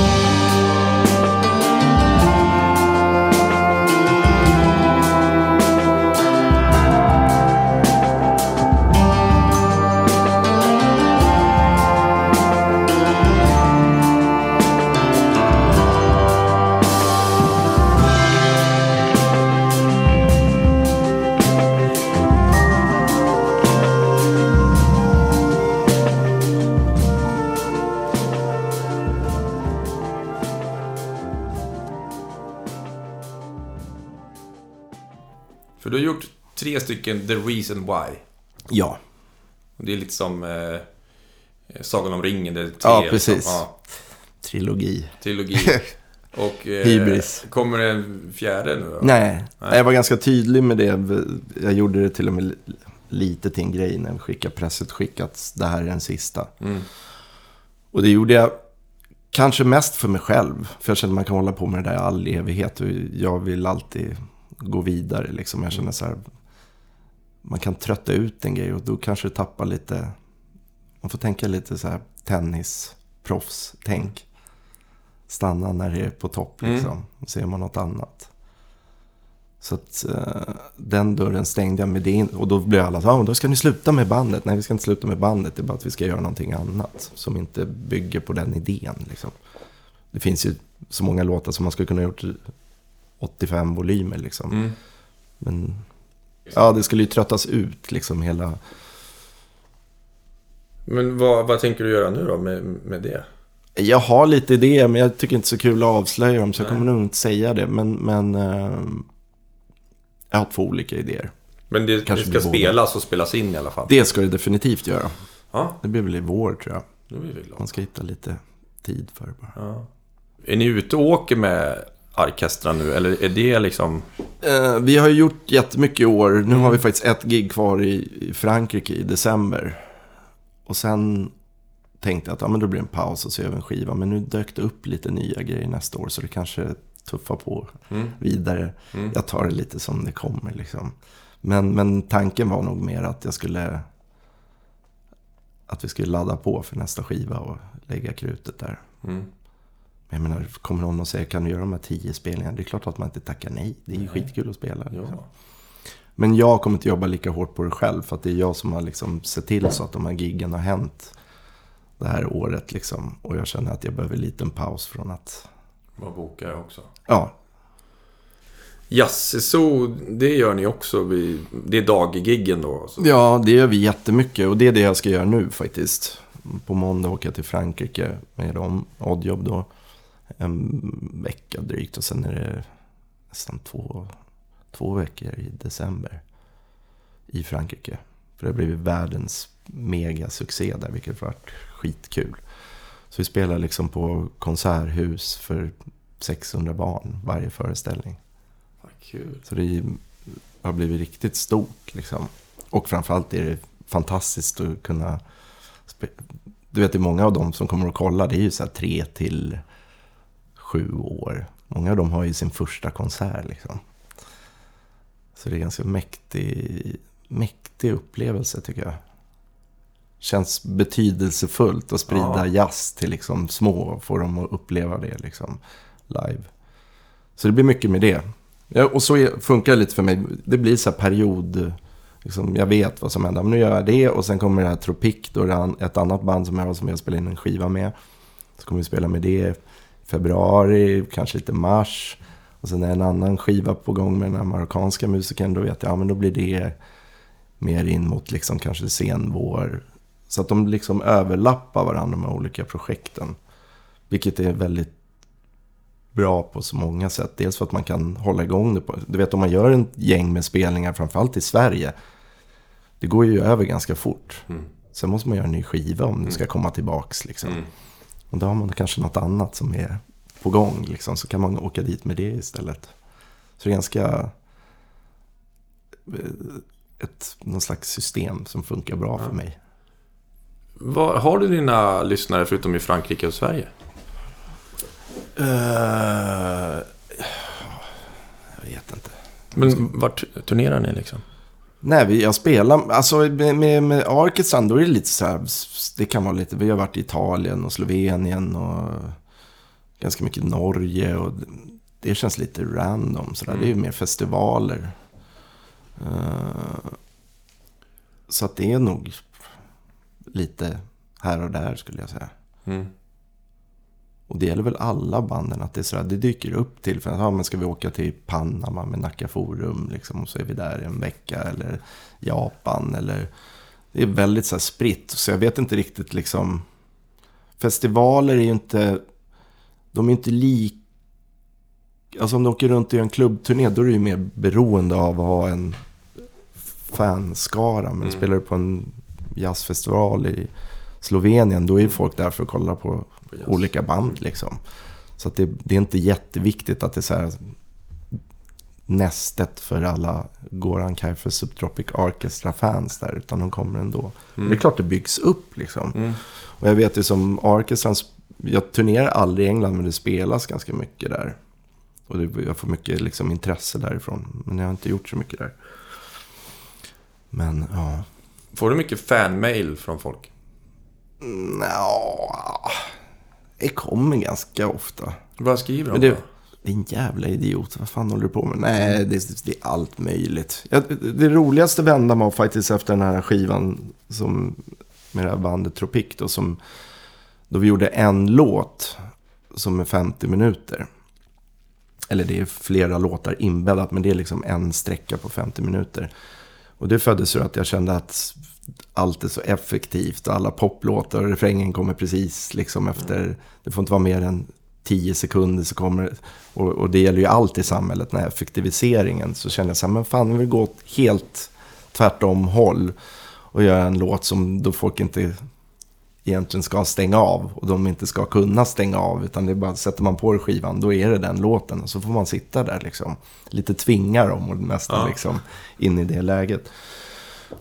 Och det var ju verkligen, det var ju föddes ur min egna, liksom, vad jag, vad jag själv kände. Men det, där, med den skivan har jag fått otroligt mycket respons. Helt oväntat från jättemånga håll och kanter. Och folk som inte ens lyssnar på jazz och sådär. Det kändes som det var ett så här lite tomrum hos folk där. Att ge sig hän ett längre stycke och liksom flyga iväg med det. Det var, det, det, det var jävligt kul faktiskt att se vilken genomslag det hade. Många som jag lyssnar på den varje dag innan jag går, sätter mig i bilen och kör till jobbet. Du vet att det blev nästan som en sådär äh, en meditations liksom vända för folk. Det tyckte jag var jävligt kul. Att få tillbaks liksom. Från lyssnare. För det blir ju ens kompis liksom. Ja, ja. Ens bästa kompis som har natur. Ja. Själv kan man ju typ inte lyssna på det. Jag lyssnar ju aldrig på vad jag gör. Men, men, men det är ju, det är ju, man blir ju fruktansvärt glad när man ser att folk verkligen så här. Äh, det betyder mycket för dem.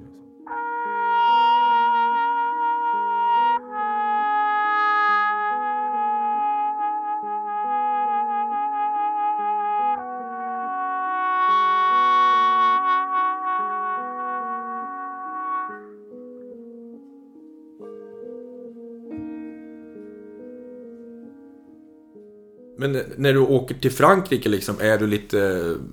Blir du lite star där då? Alltså jag, i och med att jag, när jag släppte min första skiva så var det ju en del i Frankrike. Så att de, i jazzvärlden känner de ju till mig där Mm. liksom. Det gör de ju. Monsieur Gayfes. Ja, men det är ändå inte sådär. Alltså det är inte liksom... Det är ändå jazz. Det är inte Ja. Rolling Stones liksom. Nej. Jag behöver inte gå in bakvägen på hotellet om man Nej, säger så. Men de eh, känner igen dig och det kommer... Ja, men folk känner till och liksom... Alltså, kommer. ja, Mm. så är det ju. Och det är liksom, jag har ju märkt det, men det är ju, jag brukar ju liksom garva åt det själv, att det tog ju liksom 25 år eller vad det nu var. Mm. Liksom. Men, men jag har ju sakta men säkert etablerat ett namn på liksom europeiska jazzscenen liksom. Och, och det är fan, det tog tid, Mm. ska gudarna veta. Man, man kan inte ge upp efter första försöket där inte. Nej.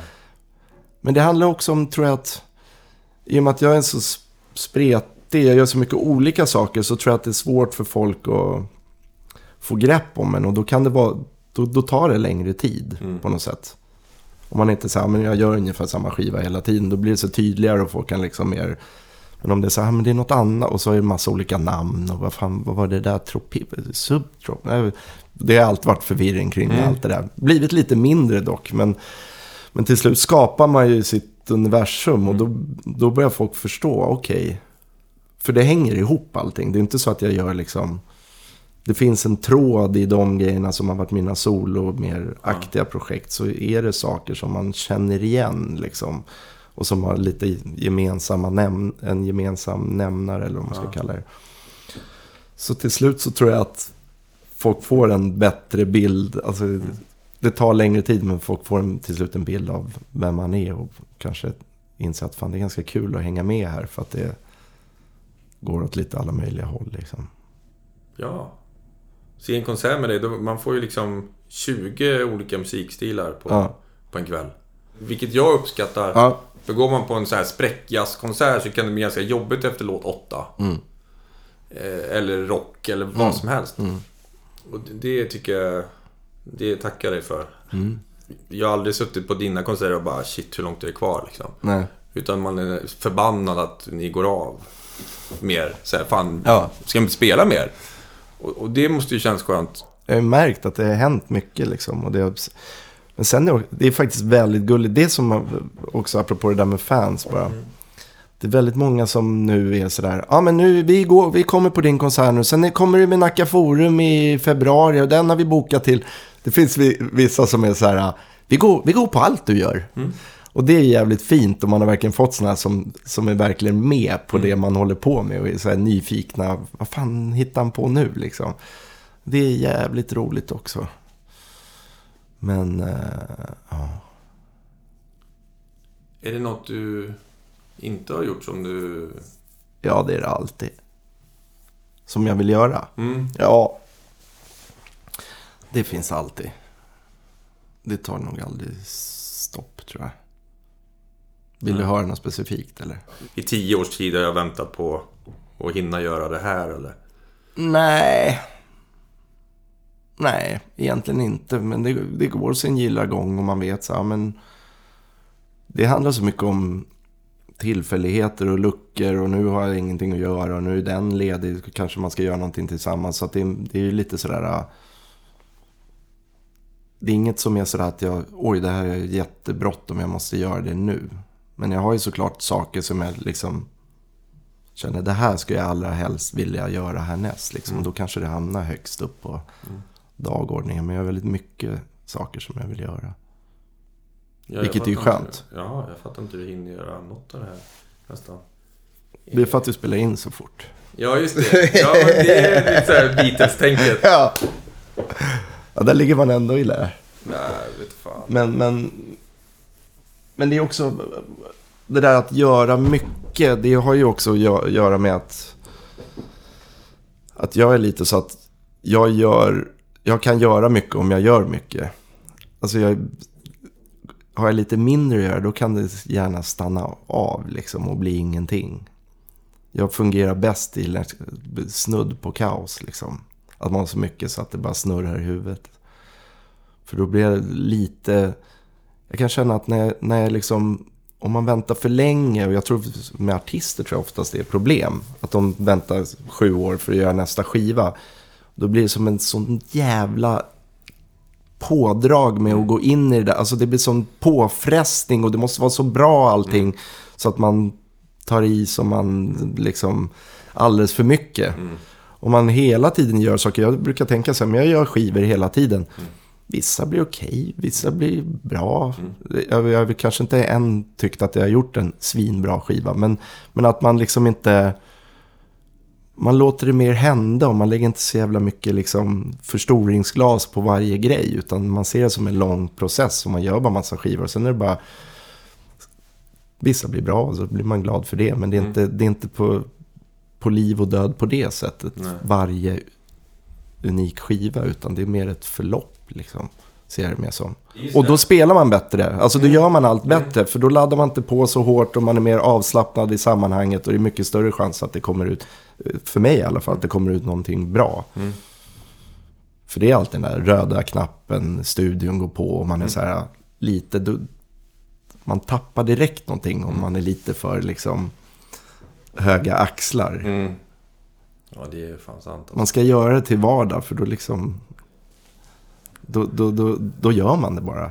Det är bra sagt. Det, Alltså. det är ju någon slags reptilhjärna som går igång. Mixa det fort och få ut det fort också så att det liksom... Det kan dröja faktiskt. Det är en liten annan grej. För det kan jag vara lite sådär att jag... Vissa grejer kan jag tycka är lite skönt och inte mixa direkt för att jag låter det sjunka in och jag får någon slags... Jag lyssnar inte så mycket längre. Förut gjorde jag det. Jag lyssnar inte på det jag spelat in. Utan jag brukar nästan gå in och mixa och höra det för första gången. Från att jag spelat in det. Och det är också av en anledning för att om man börjar lyssna på sådana här grovmixar och så, här, så fastnar man i vissa mönster. Man hör det på ett sätt och så tycker man det låter konstigt när man ändrar någonting. Mm. Eh, Men sen också det där att, att jag känner att jag kan bearbeta det utan att lyssna. Alltså jag kan låta en sak få, Jag vet, jag har ju en minnesbild av vad, vad vi har gjort någorlunda. Mm. Och så kan hjärnan få smälta det och liksom ta in och börja känna så här, men vad, vad vill jag att det här ska landa någonstans liksom. Så jag tycker det är ganska skönt att det tar lite tid emellan. För annars är man så färgad av den där lilla stunden då det hände. Mm. Sen går det lite över. Och så får man en så här, lite mer klarsynthet. Att så här, men det här, nej, men det tar vi bort. Man blir inte lika emotionellt liksom bunden till att oh, men det var ju sånt G i studion. Där, fan, oh, det här kommer ju bli så bra. Lyssnar man ett halvår efter så känner man så här, men det där var kanske inte det bästa vi gjorde. Det kanske man bara stryker från boken liksom. Ja. Så jag tycker det är ganska, ja, Men du är alltid med hela vägen i processen? Ja, och ja, Sitter med i mix och... Ja, ja. Jag sitter inte alltid med då, som, jag vet inte om det var i intervjun vi pratade om det eller innan. Mm. Jag, eh, olika från gång till gång. Mm. Ibland, ibland kan jag tycka att det är fruktansvärt skönt att lämna till någon som jag såklart har Mm. förtroende för. Och bara låta den vara den nionde medlemmen i Mm. Subtropic Arcus, Mm. eller elfte eller vad det nu blir. Mm. Och få göra sin liksom. Sen är det klart att man går in och säger, ja men det, det där kanske måste, eller det där solot det är alldeles för svagt. Men, Mm. men det är ganska skönt att släppa det också tycker jag. För någon som kommer in och har helt fräscha öron. Och som inte har massa darlings i Nej, produktionen. och som bara får göra sin grej Mm. istället för att man hänger över axeln hela tiden. Ja, men jag tycker det är lite lågt. Kan du höja trumpeten? Man, men man måste ju ha förtroende för den som sätter sig och gör det liksom. Mm. Men sen ibland sitter jag med för att det är också väldigt kul. När du är producent då? Du gjorde ju Magnus Carlsson, eh, vad heter det, Ray, Moonray Quintet. Moonray. Eh,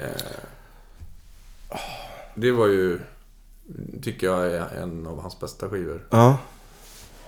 Vad roligt. Ja men alltså, Ja. jag var helt... Där upptäckte jag Magnus Carlsson. Jag visste ju bara sådär. Men när jag hörde den skivan så bara var jag helt knäckt. Ja. Första låten. Ja. Det smäller ju på så att det. Och det, ni spelar ju så det glöder. Ja. Och man blir så glad liksom. Ja. Hur eh, tänkte du där när du proddade den liksom? Oj, fan. Om jag ens skulle komma ihåg. Men Atlantis var det va? ja. Fan, jag kommer inte ens ihåg hur vi liksom... Jo, men vi repade en del innan. Jo, men det var lite... Jag tror att det var så att jag hade ganska... Dels så satte jag ihop bandet såklart. Ihop med Magnus. Och sen valdes det låtar. Och det tror jag faktiskt Kjell, för då är det Kjell Andersson då också, hade valt en del. Så bytte vi ut några som vi inte tyckte var så kul. Det var nog jag och Magnus som spånade på det. Det är så länge sedan så jag kommer fan inte ihåg. Men sen var det ju mycket det där att jag jobbade ganska mycket med hitta en, poplåt och sen hitta en jazzlåt med ett stuk som jag tyckte om. Liksom. Och, och så försöker man liksom tussa ihop de två. Mm. Så man får höra så här, men det här skulle kunna passa med ungefär det här. Så att det var ganska så här tydligt och enkelt liksom. Eh, ja, så byggde vi upp det utifrån det. Men det, det är samma där, det är ju mycket det livespelade liksom. Mm. Att folk spelar jävligt bra och jag ruskarrade ju såklart ihop. Som vanligt. Men det, ja. Jag kommer faktiskt inte riktigt ihåg hur hela processen. Men sen andra skivan, då blev vi ju mer, då var vi som ett band. Och då var det inte så att jag kände att "Ja, men nu ska jag vara producent igen. Utan då var vi, hade vi ett, en form för det. Så då var vi liksom producerade ihop kan man säga. Så jag, mer att jag liksom bara iscensatte det kanske. Mm. Men det är också en producentjobb. Ja, ja, ja. ja. Minst. Bara få dit alla på samma dag. Ja, ja. Nej, men också sådär såklart att jag hade en massa. Jag satt ju med Janne och mixade, Janne Hansson.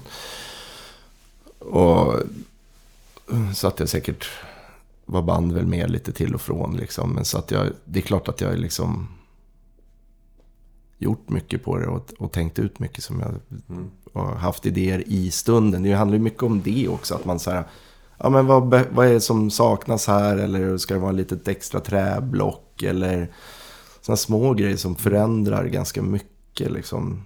Att det inte bara blir en sån här rakt upp och ner jazz, jazz tolkning. Utan att man hittar någon twist på det. Det Men jag bara tror är boll-. Nej, nej, nej. Det är inga... ja- Oh, det är ju två, tre... Nej, Ja. det är några jazzlåtar. Men väldigt få. Men det var också det. Jag tror Kjell ville att det skulle vara mer jazzlåtar. Mm. Och vi styrde det lite mer om att det blev någon Zombies-låt. Och det var säkert Magnus som kom upp The med. Doors och, Ja, Doors också. ja. och han Sugarman-killen. Just det. Det tror jag fan var Magnus som kom upp med. För det var innan Sugarman blev Ja, ja. känd. Ja, Så den låten, det var ju första gången man hörde den mer. Liksom. ja. Ja, mäktig skiva. Kommer du ihåg när de stängde Mosebacke? ja. Och jag hade klubbar där och då låg det CD-skivor kvar som ingen... Det var, fanns inga fodral. Och då var det någon, nej men du får ta där om du vill. Så då rotade, då hittade den, den är gul. Ah, ja, ja, okej. så den syntes ju i, i den här. Så Just det. Jag tog den. Ja. Med mig hem och hade i liksom, bilen och så lyssnade på Ja, roligt. varje dag. Liksom. Och, nej, den är grym. Den var säkert kvar där från... eh, Vi hade ju release-spelning där på Ja, utomhusscenen. Då vi skulle baxa upp ett upright piano på den här höga scenen. Det var, ju- det var inget problem att få upp den. Men när vi kom på att vi måste ta ner den och alla hade, det var en releasefest. Alla Ja. hade druckit ett gäng med öl. ja. Det var lite mer eh, spännande moment. Liksom då så här, åtta fullisar ska försöka få ner ett halvton piano från scenen. Ja, det, var, det var ganska speciellt. Man var livrädd, tänkte någon kommer hamna under det där pianot.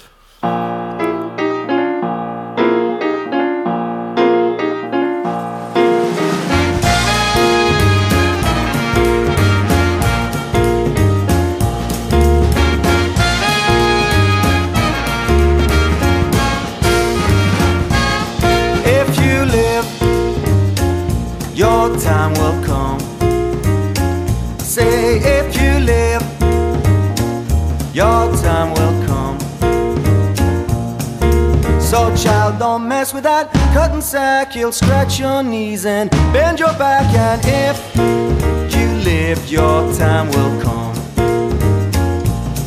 If you live, your day will come. If you live, your day will come. So, child, don't play with those pots and pans, they'll soon enough ruin your pretty hands. And if live, your time will come.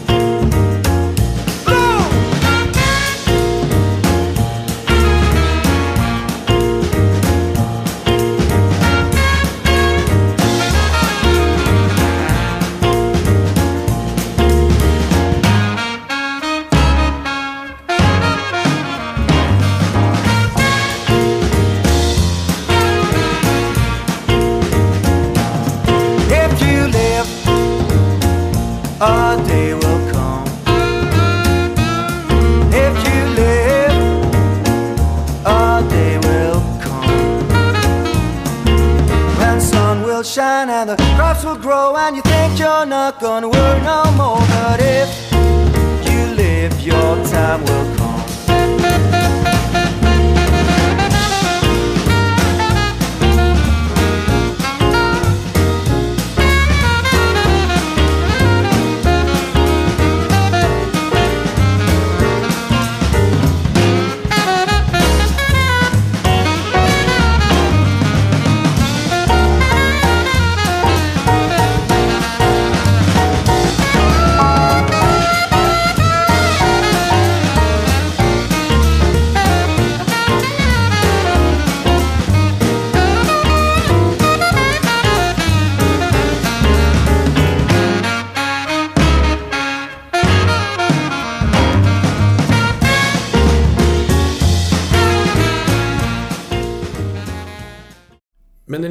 Åker sådär mycket.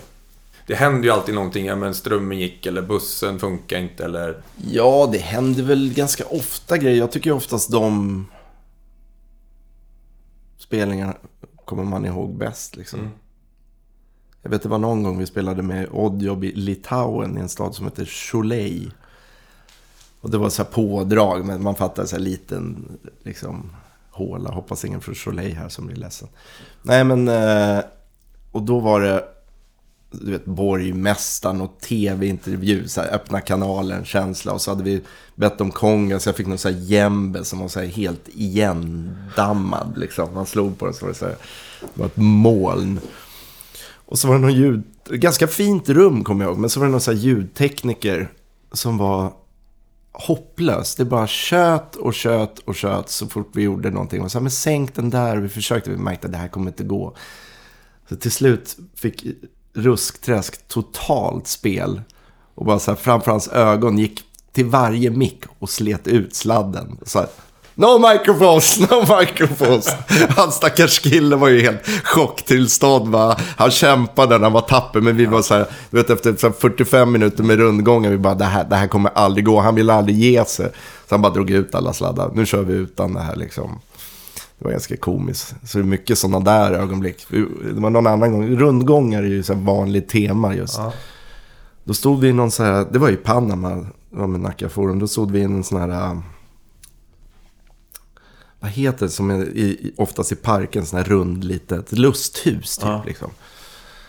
Då var det också, då stod killen som mixade på scenen. Och vi spelade och det var världens rabalder liksom. Och hela tiden så här, så här tjut. Man kände bara, "Åh, herregud, det är bara rundgång hela tiden. Och till slut sa Johan, så spelade bara, kolla han, han verkligen är med i bandet och målar med rundgångar. Och då brast man ju i garv liksom. Men det, gud, alltså det har väl hänt tusen knasiga grejer. Men det är ofta sånt man minns liksom. Mm. Man minns grejer runt omkring liksom. Mm. Ja, då skulle jag gå på toaletten där i, i, i den där parken. Då pe- pekar de in mig i liksom polisstationen.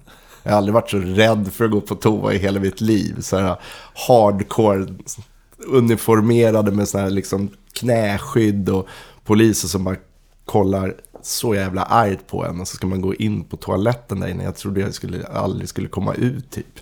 Så mycket sånt man minns. Sjuka grejer runt omkring. Men det är också det som gör det kul liksom. Det, det får inte vara för uppstyrt liksom. Nej, det är ju sällan det är. Det blir tråkigt. Eller i Mexiko är det roligt också. Nu drar jag några an- Kör. anekdoter för att kli- klippa, klistra bäst du vill. Då var det också med Oddjob, vi spelade på, i, i Mexico City i någon slags förort. Det var ett ganska hardcore område. Och eh, hon som har tagit dit oss säger så här, ja, eh, nu innan spelningen och sådär, håller kring torget, här går inte in på någon bakgata och ta en öl eller sådär. Vad fan, hur farligt kan det vara? Du vet, vi blev så livrädda liksom. Och så var man ändå så här, men vi måste ju ta en öl liksom. Då hamnade vi ändå, du vet, på någon bakgata. Man kände så här, det här var ju jättesmart. Men, men, men det gick jättebra. Men så kom vi upp på scenen. Jag ska spela, i logen finns det bara en flaska tequila som en bandmedlem, jag ska inte hänga ut honom, typ dricker upp hela den flaskan. Så han är superpeppad. Och i den här äh, konsertsalen så är det typ någon som sitter och sover på så här tredje bänk. Och det var väldigt så här, ah, väldigt speciell stämning. Och så börjar vi spela och så hör, hör man så här, hur det bara brummar om basen hela tiden. Och Peter som spelar bas och bara liksom, kolla vad fan är det som händer? Och så ser man helt plötsligt, kommer en, en kille som jobbar där. Så här krypande upp på scen med så här krokodilklämmor. Då ska han liksom jorda av hans bas på scenen när han står och spelar. Ska så här klämma på en sån där krokodilklämma på stäm, vad heter det, stäm ratten liksom. Och man känner så här, nu, det här är sista gången vi ser Peter, han kommer brinna upp nu liksom. Ja, fruktansvärt roligt att se det, hans ansiktsuttryck och just att, det, att han kom sig lite krypandes under liksom och ska klämma på den där. Ja, det finns, stories finns det så det räcker av. Mycket märkliga saker man har råkat ut för som man inte tror ska hända på en scen. Men är inte det lite av charmen då? Jo, jo, men jag älskar det. Alltså jag tycker ju... Som sagt, det är de, oftast de grejerna man minns liksom. Det är som en Twin Peaks-tillvaro liksom. Mm. Och det kanske är lite roligare än de papperna som jobbar på Länsförsäkringar kommer hem från jobbet. Ja, lite kanske. Ja. Jag vet för inte vad som händer där. Jag har aldrig varit där. Nej, men kanske... jag kan inte tänka mig att det är några krokodilklämmor. och- nej, nej. Krokodilklämma på mobilen. Pallar du dra några så här... eh, Jag brukar fråga eh, tre trumpetare, tre kompositörer och tre artister som har betytt mycket. Oh, jo, det pallar jag dra. Tre trumpetare då, ska vi börja där? Ja, det är nog ganska... Alltså, oh, det är ju svårt att koka ner till tre. Mm. För det finns ju så jävla många bra. Men får ändå bli Don Cherry. För där är en speciell upplevelse med, med Eagle Eye Cherry. Som jag är vän med. Och vi har liksom spelat hans musik ihop. Och när han gick bort. Och jag lärde känna hans mamma. Och så att jag varit väldigt liksom... Fått kliva in i hans värld på riktigt liksom. Som också har... Jag kan känna att jag har gemenskap med på det sättet att han också var en sån där som gjorde jävligt mycket olika saker under sin karriär. Liksom. Olika musik och nyfiken och också var väldigt intresserad just av världsmusik eller vad man nu ska kalla det. Liksom. Eh, och sen eh, är det Lester Bowie som en trumpetare som spelar, i- spelade i ett band som heter Art Ensemble of Chicago. Som är... Han är helt unik liksom. Spelstil. Väldigt bluesigt i botten men ganska spretigt och skönt. Men otroligt uttrycksfull. Fantastisk. Eh, och sen får det nog bli Miles. Mm. Det, svår, det känns liksom svårt att inte... Om jag ser till min egna, mitt egna lyssnande. Liksom. Mm. Jag lyssnar väldigt mycket. Han var också rätt spretig. Ja, också det här hela tiden något, något nytt. Och liksom, det är klart att man blir influerad av det och tycker att det säkert har färgat av sig på mitt sätt att se på musik. Kompositörer. Ehm, för det var det, eller hur? Mm. Ja, då skulle jag säga Steve Reich. Som jag älskar och som jag faktiskt ofta har någon slags referens till i det jag gör. Liksom. Jag gillar ju linjer som är repetitiva och sådär. Och, och liksom, framförallt i Retropix så är det ganska influerat av det. Fast på ett annat sätt såklart, men, men väldigt influerat. Och sen... Eh... Ornette Coleman. Nej, och, och Wayne Shorter. De får dela, dela plats. Får Två fantastiska Ja. kompositörer på Mm. helt olika sätt. Men helt unika. Liksom. Artister, band eller... Ja, det är svårt. Eh, Eller lätt. Arthur Russell, vet du om det är? Nej. Han är...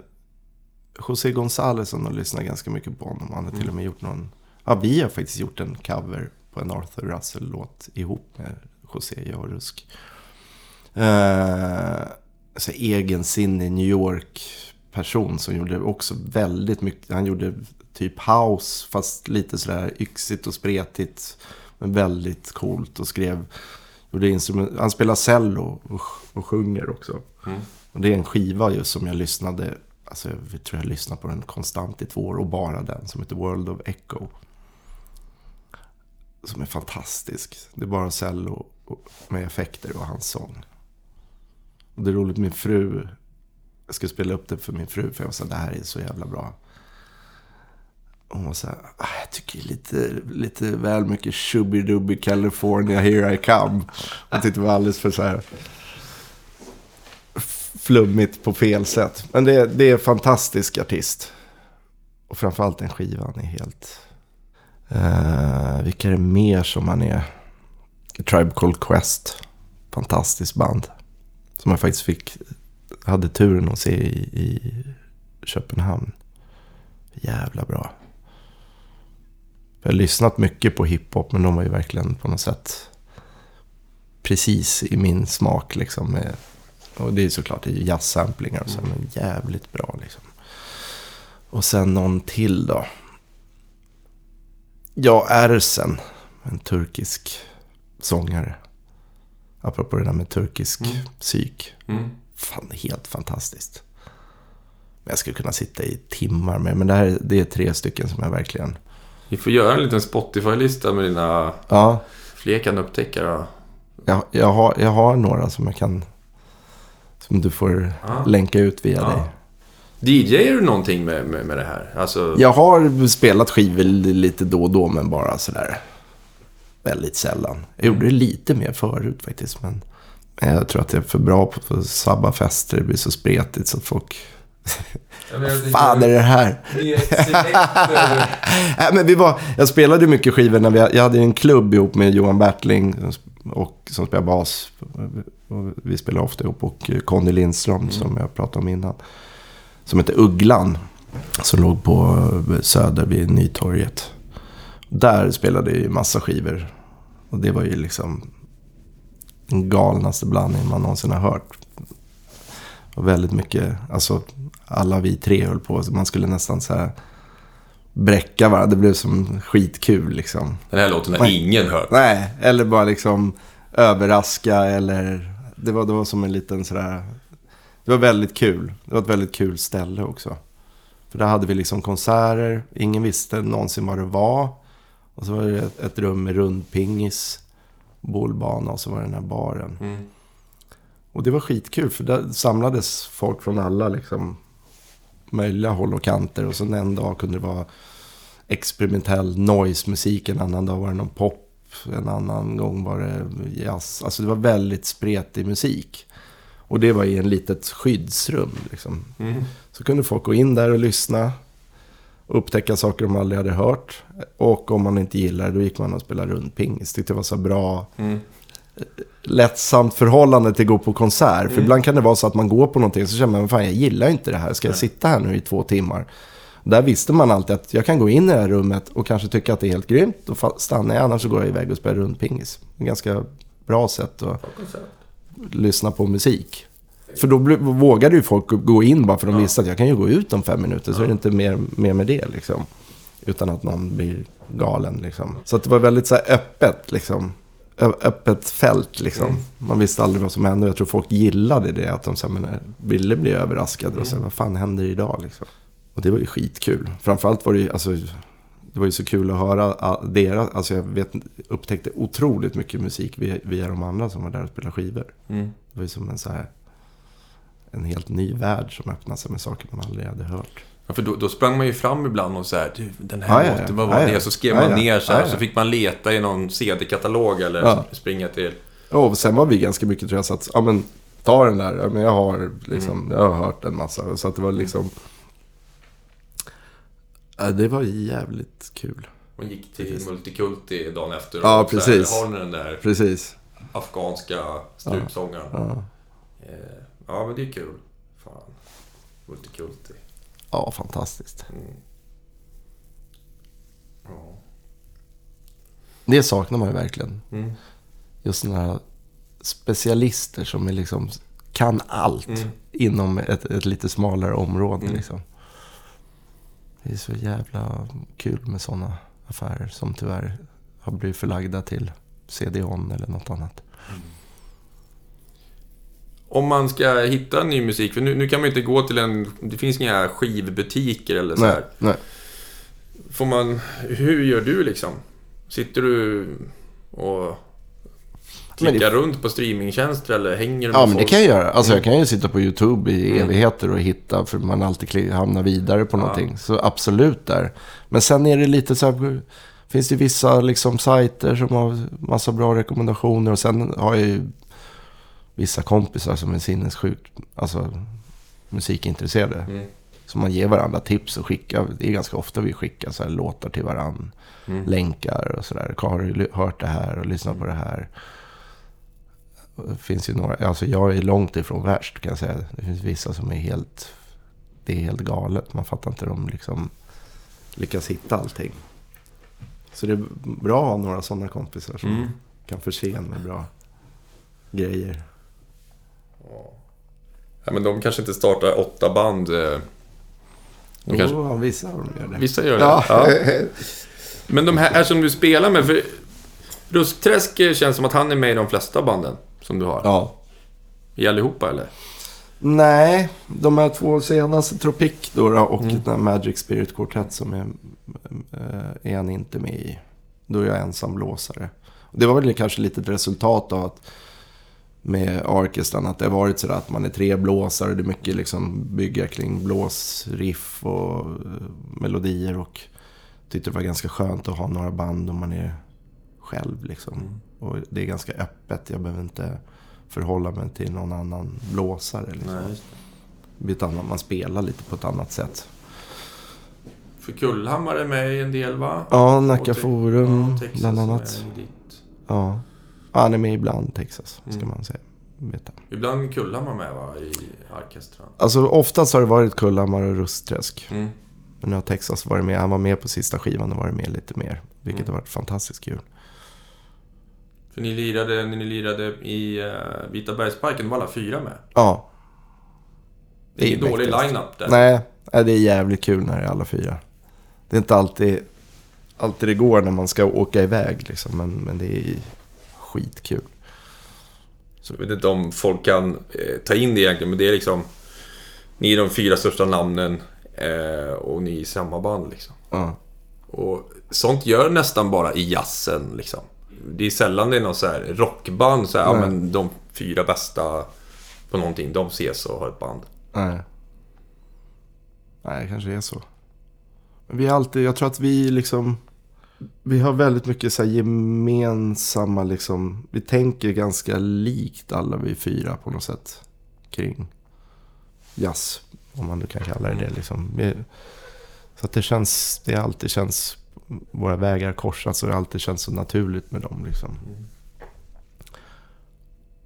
Det blir ju lite grupperingar såklart. Att liksom, vissa är mer så här, men vi är mer gillar just det här och det här. Och, Men det känns ändå så här som att det är jävligt bjussigt inom liksom jazzen. Att ni sitter in med många olika band. Ni kan stå eh, slutsålt Södra Teatern men dagen efter står ni på Glenn Miller och spelar för åtta pers. Ja. Eh, Ja. Och, eller nere i källaren på Skala. Och, I någon storband. Och, ja. Men det är för att det är ingen... Är inte, inte någon större skillnad liksom. Nej. Alltså det är klart det är skitkul att stå på ett slutsålt Södran. Men, men, men man, det är ju något, man gör ju något annat. Man är ju på ett mission med sitt instrument liksom. Så att jag tror att det är... Det är en jävligt härlig bonus liksom. Men, men det är ju exakt lika kul att stå på Glenn Miller. För, för där är det så speciellt. Där står man ju, sitter ju folk nästan i knät på en eller vice versa. Och det, blir en otroligt speciell närhet i, i liksom... Som man inte kan få på ett större ställe. Så att det var lite olika sidor av samma mynt på något sätt. Men fantastiskt. Eh, alltså det är... Vi gillar att spela liksom. Våra instrument. Ja, men det är vi glada för. Och behöver, man behöver inte liksom, med artister är det svårare. För artister måste disponera sig och det, det är det som är fördelen med att vara en, en... Jag har alltid varit så tacksam för det. Att jag liksom mer... Man kan vara lite i skymundan och göra massa projekt hela tiden istället för att någon säger på skivbolaget att men du, nu, nu, nu får du inte uppträda ett tag i Stockholm, nu, nu kommer ju nästa skiva snart och nu får du liksom skapa ett sug. Och vi har ju helt andra liksom, det tror jag många artister är avundsjuka på, som vill spruta ur sig grejer liksom. Men som blir hindrade på ett eller annat sätt liksom. Och också sen kan man ju spela med massa band. Alltså det blir så här ståhej. Va? Då ska Arne Brun hoppa in med Weeping Williams. Men då blir ju det liksom en jätteapparat. Om vi ställer oss och blåser med dem så är folk blir skitglada att vi är där. Men det är Ja. inte så här... äh, Det stör inte något i våra karriärer. Eller vad man ska kalla det liksom. Så det är ju det är ju en...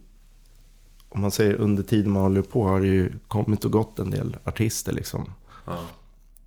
Och det tror jag är mycket på grund av den exponeringen och allt det. Och att det är en annan typ av liksom press. Ja. Själv kan man sitta där under, un, under radarn och liksom bara ösa på. Mm. Utan att det blir något, ställer till något problem. Liksom. För det är nästan inga artister som... Ja, Nikolaj Dunger är ju en sån där som Mm. hållit på att spruta ur sig grejer. Mm.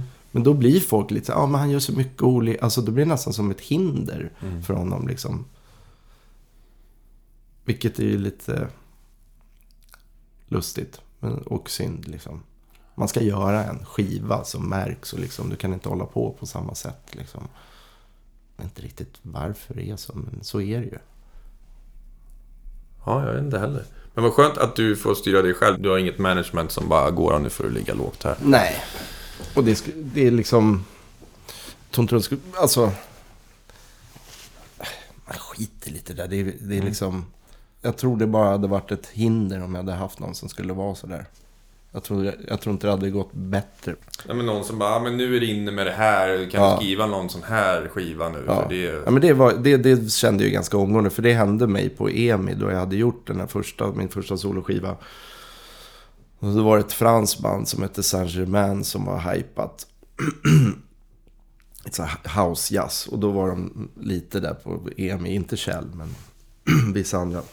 Var lite så, men nu kan du inte göra en sån här skiva och styra in mig mer på det. Och då var det, det var ju liksom, jag flög ut därifrån mm, av mig själv. mm, Jag kände så här, nej, jag vill inte att någon ska diktera liksom vad jag ska göra. Då är... För det kan vara, kanske, det, om man säger så här, det, jag hade kanske kunnat liksom få en succé med det. Och fått det att funka bättre. Men det är så kortsiktigt. Mm. För jag vill inte ha, gjort en skiva som jag känner så här, som, jag inte har, som inte har kommit ur, ur mig själv. Liksom. mm. Jag ju skämmas för det resten av mitt liv. Och det kan också förstöra. För att folk får en bild av en som är helt fel. Liksom. Och de kanske står och väntar en hel spelning på den här låten Ja. som är känd. Ja. ja, men liksom jag, jag kände det var inte alls... Jag kände ganska direkt att jag kan inte göra det. Min kropp skriker nej liksom. Mm. Och det är ganska skönt när man känner sig, ja men bra, då, då, då, då behöver jag, kan jag utesluta den grejen liksom. Men det var ju på den gamla glada skivbolagstiden också. Alltså innan det rasade och allting. Så det fanns ju annan ekonomi och sådär att- göra sånt. Men nej, det blev inget av det. Det blev de här andra tio banden istället. Ja, Och hur många skivor. Hur många plattor. Jag räknade till att du hade gjort 29 jazzskivor. Om man ska tro Wikipedia. Det kan säkert stämma. Jag vet inte. Och sen är du med på ja, minst lika många pop... Vad skulle du uppskatta? 100? Nej, mycket mer. Mycket mer? Ja, 300? ja, minst. Alltså det är väldigt mycket. Och det är väldigt mycket som inte syns. Och det är väldigt mycket som... Jag var ju så lite ambitiös i början. Och då sparade jag varje skiva. För då fick man ju varje skiva också. Det var ju det som hände lite att... När skivbolagen började gå dåligt, då skickade de inte ens skiv- skivor till musiker längre. Men så hade vi bajsöversvämning i min lokal. Så alla de skivorna blev liksom dränkta i avloppsgegga. Så de eh, slängde jag då. Så nu vet, nu vet jag inte. Men redan då var det väldigt många. Det här var ju liksom 15 år sedan. Mm. Ja, det är nog väldigt många skivor. Men... ja, definitivt 300. Men jag, skulle, jag, jag, jag tror det är mer. Men jag vet inte. Nej. Man kan ju, det har ju kommit upp mer på den här, vad heter det? Discogs. Så Mm. kan man ju hitta ganska mycket. Då man själv sitter så här, ja fan, just det, jag lirar på den skivan. Jaha, det där. Man glömt bort. Kan du höra ibland nu så här, Fan, det här låter rätt bra. Fan, det är jag. Ja, det är en lite rolig story. Jag, jag och, och Rusk, ja det var också med audio. Vi spelade på Skottvångs gruva. Mariefred tror jag det heter. Jävligt trevligt ställe. Och vi brukar ganska ofta så här skämta om, du vet om man hör någon så här... Någon så här porrsax eller något Mm. sånt. Fan vad bra din skiva blev. Det är ju svinbra. Så här. Och så, det är så här återkommande skämt. Och så var, hörde jag någon så här sordinerad trumpet som- med så här lite eko på. Så bara, fy f- sa Rust typ så här, ja, schysst platta går han. Ja, fy fan vad dåligt. Du vet, stod de och sågade Ja. liksom. Fruktansvärt. Fan vad, fan vad värdelöst. Stod ganska länge liksom. Sen bara, har jag en liten, bara, "Fan, det är ju jag ju. Börjar, börjar minnas så här, just det, det var den där inspelningen och du vet vi garvade ju så vi dog. För jag stod alldeles för länge och toksåga och tyckte det var så sjukt värdelöst. Tyckte det lät som den här Jack Killian röst i natten. Då är det Ja. så här sordinerat. Alltså det var så dåligt. Och man bara, åh shit, fan vilken tur att jag glömt bort det. Men nu, nu, nu sitter tyvärr den där... Nu kommer jag inte glömma bort det än i och med att det var så absurd upplevelse att man stod och sågade sig själv. Vad var det för skiva? Jag vågar inte säga för då kanske producenten kommer bli ledsen. Åh, för fan. Men, eh, men det var lite speciellt för att jag kan berätta, då kommer han kanske känna igen sig, men då får han ta det. Han hade gjort demos och sen hade folk som jag känner spela, spelat in på Atlantis. Och sen, jag var inte med, sen skulle jag lägga på min trumpet på den skivan. Ja, men kan du komma till min studio så lägger vi på? Ja, tänker jag så här, men det är ju schysst. Det var ju ganska bra, eller väldigt bra musiker som spelade och så här. Det, det blir svinkul. Så kommer jag dit så är det fortfarande så här, så här midi-skisser. Men vad konstigt, alltså har du inte spelat in på Atlantis? Ja, men jag har inte hunnit eh, fixa eh, över de filerna. Så du får spela på det här. Men det är spelat till klick i Atlantis också. Och fast det är ganska konstigt att spela på liksom en midi-demo då någon spelar olika färgningar och rytmiskt, allting Ja. liksom. Så jag ville bara katapulta mig därifrån. Men när han stod på så, så kände jag så här, äh, hur kommer jag snabbast härifrån? Men jag bara spelar in och sen smiter jag härifrån liksom. Så att jag tror att det var en av anledningarna att, det kändes så, att jag inte kände igen mig och att det kändes så fruktansvärt dåligt. För att det var liksom... Ja, midi-spåren var inte kvar. På, Då, sen lyfte han på min trumpet på det som var och då Ja. blir det, det, blir, det blir ju fel. Liksom. Det, du kan inte få det att låta bra. Nej. Liksom. Någon lägger något annat ackord eller åt ett- en annat sväng. Liksom. Klart att det låter konstigt. Liksom. Så att det, det hade lite av en naturlig förklaring till att det lät så jävla illa. Jag tänkte vi skulle prata lite grann. Du har gjort musik till eh, mycket filmer och Mm. såna grejer. Mm. Hur kom du in på det? Ringde de dig en dag och bara Hej, vi har en film här. Uh, fan, jag ska komma ihåg hur det hände. Jag vet inte ens vilken som var den första. Men det var nog någon som kontaktade mig. Men sen har jag liksom... Ja, för jag har aldrig frågat om att få göra musik till någon film. Jag gjorde den ganska tidigt, men sen var det ett litet glapp. Men sen... Nej, Jag vet inte, jag kommer faktiskt inte ihåg riktigt hur det gick till. Är det några så här hotshot-filmer som folk kanske har sett? eh, Nej, det har varit ganska mycket, nej, mer liksom independent och, och dokumentärer och sådär. Mm. Jag älskar att göra det, jag tycker det är skitkul. Nu, precis nu så går det en dokumentär på SVT Play, vad heter det? Kultur, nej vad heter det där programmet? K-special? K-special, tack. Mm. Som heter eh, Curious, Curo, Curiosity and Control. Som jag har gjort musik till. Och sen eh, har jag gjort lite musik till Göran Hugo Olsson. Han som gjorde en Black Power Mixtape. Han har gjort en film som heter That Summer. Som handlar om eh, ja, Warhol och den, den generationen. Och ett- en speciell plats där, där många av dem hä- hängde. Peter Beard och så. Där har jag gjort lite. Det är väl det som är aktuellt liksom. Men det är inga så här uh, blockbusterfilmer direkt. Nej. Jag skulle gärna göra en. Mm. Men jag, jag, det svåra med det där är att ofta så tänker folk så ja men vi ringer Goran Kaifes. Mm. Men han spelar ju trumpet, då blir det trumpet på hela filmen. Jag har gjort massa musik som Mm. inte innehåller trumpet såklart. Men det kan vara lite svårt att förmedla liksom att, nej men jag vill göra, jag, jag gör gärna någonting helt utan min trumpet. Det är inte Mm. det som är viktigt för mig. Så att ibland har jag känt att det har varit ett litet hinder till att det kunde blivit betydligt mer. Att folk kanske tror det. Men det är ju fruktansvärt kul. Det är ett helt annat sätt att förhålla sig till liksom, Mm. musik med bild. Jag älskar det. Jag skulle gärna göra mer, faktiskt. Det är också skönt för man får vara hemma. Mm. Och du får eh, så här, så här långt kommer stycket bli för så här långt i klippet eller? Skriver du musik och så klipper de in det sen eller hur funkar det? Man gör ju på så många olika sätt. Det sämsta sättet i min värld är när, när eh, de har börjat klippa redan och så har de klippt i befintlig musik. Det vill säga de har, de har massa, valt ut massa spår från Spotify eller vad det nu än är. Och så, och så säger man, men kan du göra något på det här stället som är ungefär som det här? Då är man rökt liksom. Mm. För att det går liksom aldrig att få det riktigt bra. Plus att de är så nöjda med det de har klippt till. Mm.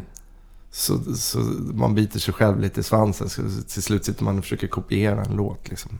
Det bästa är att komma, som, som jag har gjort de flesta gånger, det är att man kommer med en bunt med skisser. Väldigt olika grejer. Man spelar in mycket liksom. Och så ger man det som en påse. Här, använd det här när ni klipper. Och så börjar de klippa till det. Och sen kan man förfina det.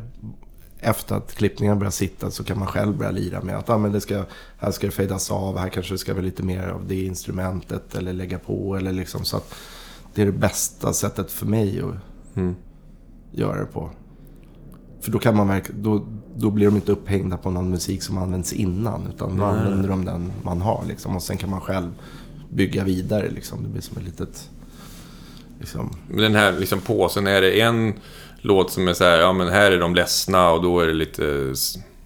Ja, kan, man kanske här- inte tänker så konkret, men, men, men att man... Att det finns massa olika stämningar såklart. Mm. Liksom. Så man har något att utgå ifrån liksom. Och det kan man ju ändra. Om, de, om regissören säger då, nej men det här är fel uttryck. Då Mm. får man ju göra, göra en ny påse liksom. Mm. Men att man ändå liksom är med innan klippprocessen börjar liksom. För musik kan ju ändra en stämning totalt Ja. i en film. Om Ja. det är någon som är ute och går så här och lite skymning och så är det någon glad låt. Ja, ja, ja. Och alla, vad fan Ja, ja. vad mysigt. Eller om man tar en skräck. Alltså det, Ja, ja. det är det de bygger skräckfilm på. Ja. Det är ju liksom... Jo, men sen är det klart att man liksom, sen gör man ju musik under vägens gång. Men bara Mm. att man startar i rätt ände. Liksom. Att man börjar i att de bygger det kring ens musik. Sen kan Mm. de säga, ja men den där är lite slö, men det är ganska bra sån stämning. Mm. Alltså då har man någonting, en språngbräda för att göra någonting ur liksom. En gjorde vi, det var, det var ju faktiskt sjukt roligt. Det var till en Birgitta Stenberg dokumentär. Då kom regissören och Birgitta Stenberg ner till strand och så slängde de upp en projektor. Och så visade de bara grovmaterialet från allt de hade filmat med henne. Och så var vi som ett band, vi stod uppe på scenen, mickade upp. Och så spelade vi till det vi såg. Det är inte nytt. Det Det är gjorde... lite såhär stumfilmstänket. Ja, det finns ju Miles Davis, äh, Lassensör, det är Histi Gallian, Lassensör på Le Chauffour, som är gjord så. De spe, bandet spelar till liksom bilderna. Mm. Och det funkar ju sjukt bra. Det borde man göra oftare. För att det är liksom, all den musiken vi spelar in användes typ. Det, det blev så rätt, man var i rätt stämning, man såg det där. Även om det inte var så här, det var inte specifikt till scener ens. Nej. Utan det var bara så här, spela på, på det ni ser och, och, liksom, och sen pratade vi såklart om dynamik och jag hade lite små skisser liksom. Men väldigt så här rudimentärt. Funkade hur bra som helst. Det Och var väldigt kul. Då satt hon där själv, Birgitta Stenberg, på liksom scenkanten och var så med. Det blir, blir en speciell stämning då. Ja. När huvudrollsinnehavaren sitter och så lyssnar. Och... Det var väldigt kul sätt att jobba på. Det skulle jag gärna göra mer. Jo, men vi spelar ju med Oddjob. Spelar ju, det är ju en svensk blockbuster. Spelar vi väldigt mycket av grejerna. Men det är Matte Bye som gjorde musiken. Men vi arrade ju om grejer på plats. Till den här hundraåringen. ja. Först eller andra? Första. Första. Ja. ja. För han är lite specialist på så här typ st- stumfilms, sitta och spela piano. Ja, det är ju en sån här melankolisk Mm. piano. Eller vad man ska kalla det. Jag vet inte. Svårt att etikettsätta Ja. det. Men han har en, ett väldigt eget sound. Liksom. Ja. Han är fantastisk. Och då, och då vill han väl ha någon, liksom en annan aspekt på det. Då skulle vara mer jazzigt. Ja. Han är någonstans i USA på 30-talet. Och Ja, så, ja. så att vi fick liksom utveckla hans teman och göra, göra dem till en New Orleans-låt eller vad det nu var. Liksom. Men det var ju en kul grej att göra. Men som sagt. Hoppas det är någon filmregissör som Mm. lyssnar. För jag vill gärna göra mer. Ring Goran. Han vill jobba hemma nu. Ja, jag vill inte åka bort något mer. Snälla rädda mig. Men eh, du är inte sugen på att starta en klubb då igen? Då får du vara hemma. Oh, Eller ja, det är i och för sig mer jobb än betalning, men... ja. Nej. Jag känner mig lite färdig med det Mm. just nu. Ingen rumpingis och... Jag älskar rumpingis. Men, eh, nej. Nej. Svar nej. Nej. Det Eh, var bra. Om vi- ska prata lite så här önskemål nu då, eller framtid så här. Vad, vad ska du göra nu då? Du skulle ut och spela så här, men alltså projekt som rullar på som du håller på att spela in och som man kan se fram emot här. Ja. Jag måste t- nästan, nästan tänka efter. Yazoo, då, då, som är Mm. vårt barnprojekt. Vi släpper en eh, ny skiva bok. Jag, har faktiskt den i påsen, du får kolla på den sen. Som kommer i, eh, om två, tre veckor. Som känns skitbra. Instrumental musik för barn. Mm. Eller jazz. Det, det, det är ju så här hjärteprojekt som har känts jävligt kul. Så det är det första. Sen kommer eh, eh, Tropic. Har vi spelat in en ny skiva med. Mm. Med en jazz som heter Christer Botén. Som jag faktiskt gjort cover på. En av, två av hans låtar på Reason Why. Fantastisk musiker. Den kommer i januari tror jag. Och sen har jag den här med marockanska Mashid Beckas. Det kommer dröja lite, men det mixas som sagt just nu. Men eh, det ska jag inte ge ut på mitt egna skivbolag för att jag behöver avlastning. jag kan inte driva allting hela tiden. Det är ganska skönt att slippa så att vi letar någon bra label för det i nuläget. Också lite för att vi tror att det fun- kommer funka bra i Frankrike, kanske Tyskland. Så, här. så vi ska försöka hitta något som är mer håller, håller hus där nere. En label. Ja, det är väl liksom först. Ja, Nacka Forum kommer en ny skiva också. Den har legat och jäst ett tag i och för sig, men det, det, den kommer ganska snart. Så det är några stycken. Sen ett band som heter Angels 9 också som är med i, som kommer med en skiva snart. Ja. Som spelade in i Holland för inte så länge sedan. Så det är några... Allting händer väl Jobba Lights när det blir nästa gig med dem. vet att vi har pratat om det, att vi faktiskt vill spela. För det är liksom, jag, jag har nog aldrig varit så glad efter någon spelning som efter Jobba Light-spelningar varje gång. Men det, tyvärr så var det ju lite så, eh, Tom Hovanner då som var, hade Rubba Dub-studion. Fant, fantastisk original till person omkom ju och, då var, och han var liksom en stor beståndsdel i det bandet. Så att eh, luften gick lite ur, ur oss på grund av det faktiskt. Men eh, Jag såg ju live där när du körde Reggae Week och... ja, Fantastiskt. det var jävligt roligt för vi spelade i förband till Lee Scratch Perry var det var, på Berns. Då kom hela bandet ner efter de hade spelat och stod bara så här med stora gapande munnar och tänkte vad är det här för svenska liksom bondläppar som Ja. st- står och spelar reggae så här bra. Det var jävligt kul faktiskt. Det är ett skitkul band. Men mycket där är ju liksom Desmond är ju, som spelar gitarr i, där är ju är han som gör det på något sätt. Alla andra är skitbra också men han har den där perfekta hänget som man inte... Går inte liksom. Det, det kan vara någon som har spelat sånt hela sitt liv liksom. Mm. Så han var som en liksom, eller är som en nyckelfigur. Vi, snack, men vi var faktiskt ganska nyligen vi sa att vi skulle spela in en ny skiva. Så att vi inte är helt off liksom. Men, eh, ja. Om du vill ha en, om du önskar en så spelar vi in den. Ja, jag vill det. Jag vill se live också. Ja. Jag får starta en klubb och boka Jobba Lights. Men det kan du göra. Ja. Då kommer vi direkt tror jag. Ja. jag tror, det är inte ett svårbokat band. Nej. Alla är nog jävligt sugna på att spela igen. Är det, är, är det Muttis på trummor? Ja. ja. Han är också fantastisk. Vem var det på bas då? Peter Fors. Peter Fors, ja. Och så var det Des. Kullammar, jag och Rusk. Ja. Desmond. Eh, David Nyström. Just det.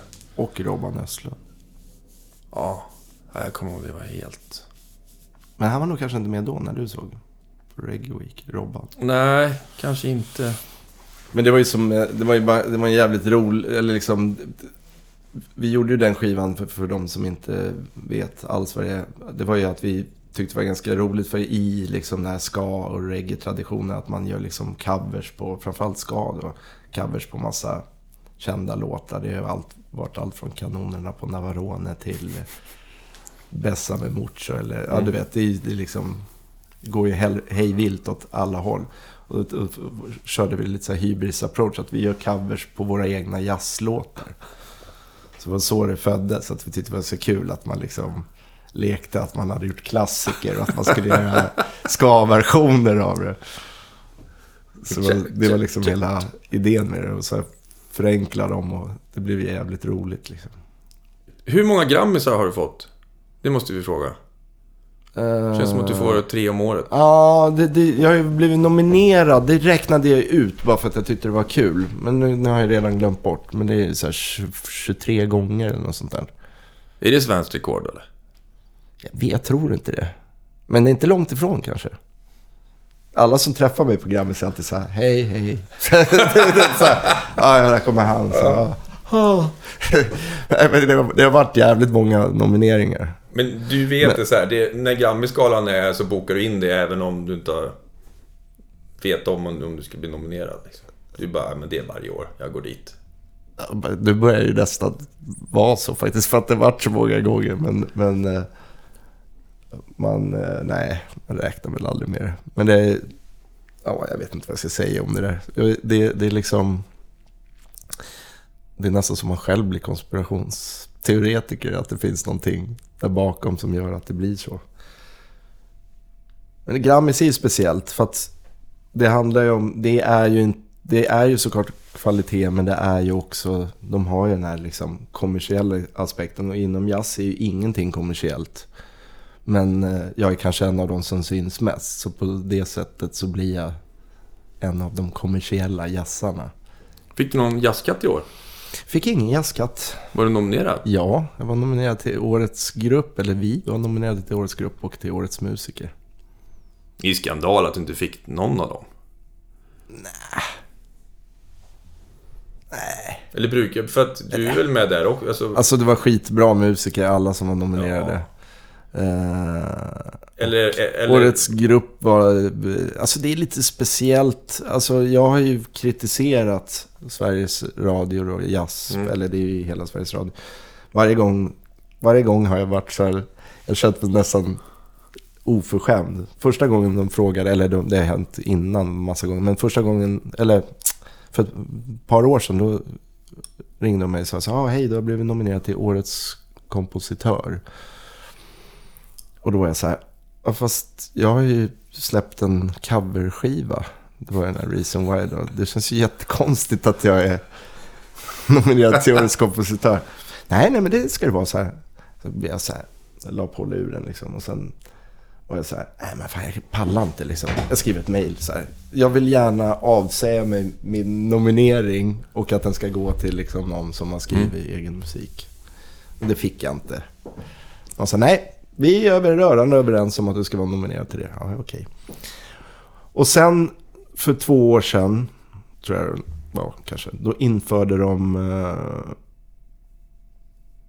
vilket jag förstår, men, men, men det är ändå problem. Att de har en jury, men de har också att folket ska rösta. Och det är för att aktivera lyssnare, eller liksom lyssnare till jazzradion och så här. Vilket liksom resulterar i att man då blir uppmanad att... Ja, grattis du blev nominerad. Eh, vi skickar dig länkar där du kan skriva till folk att de ska rösta på dig. Mm.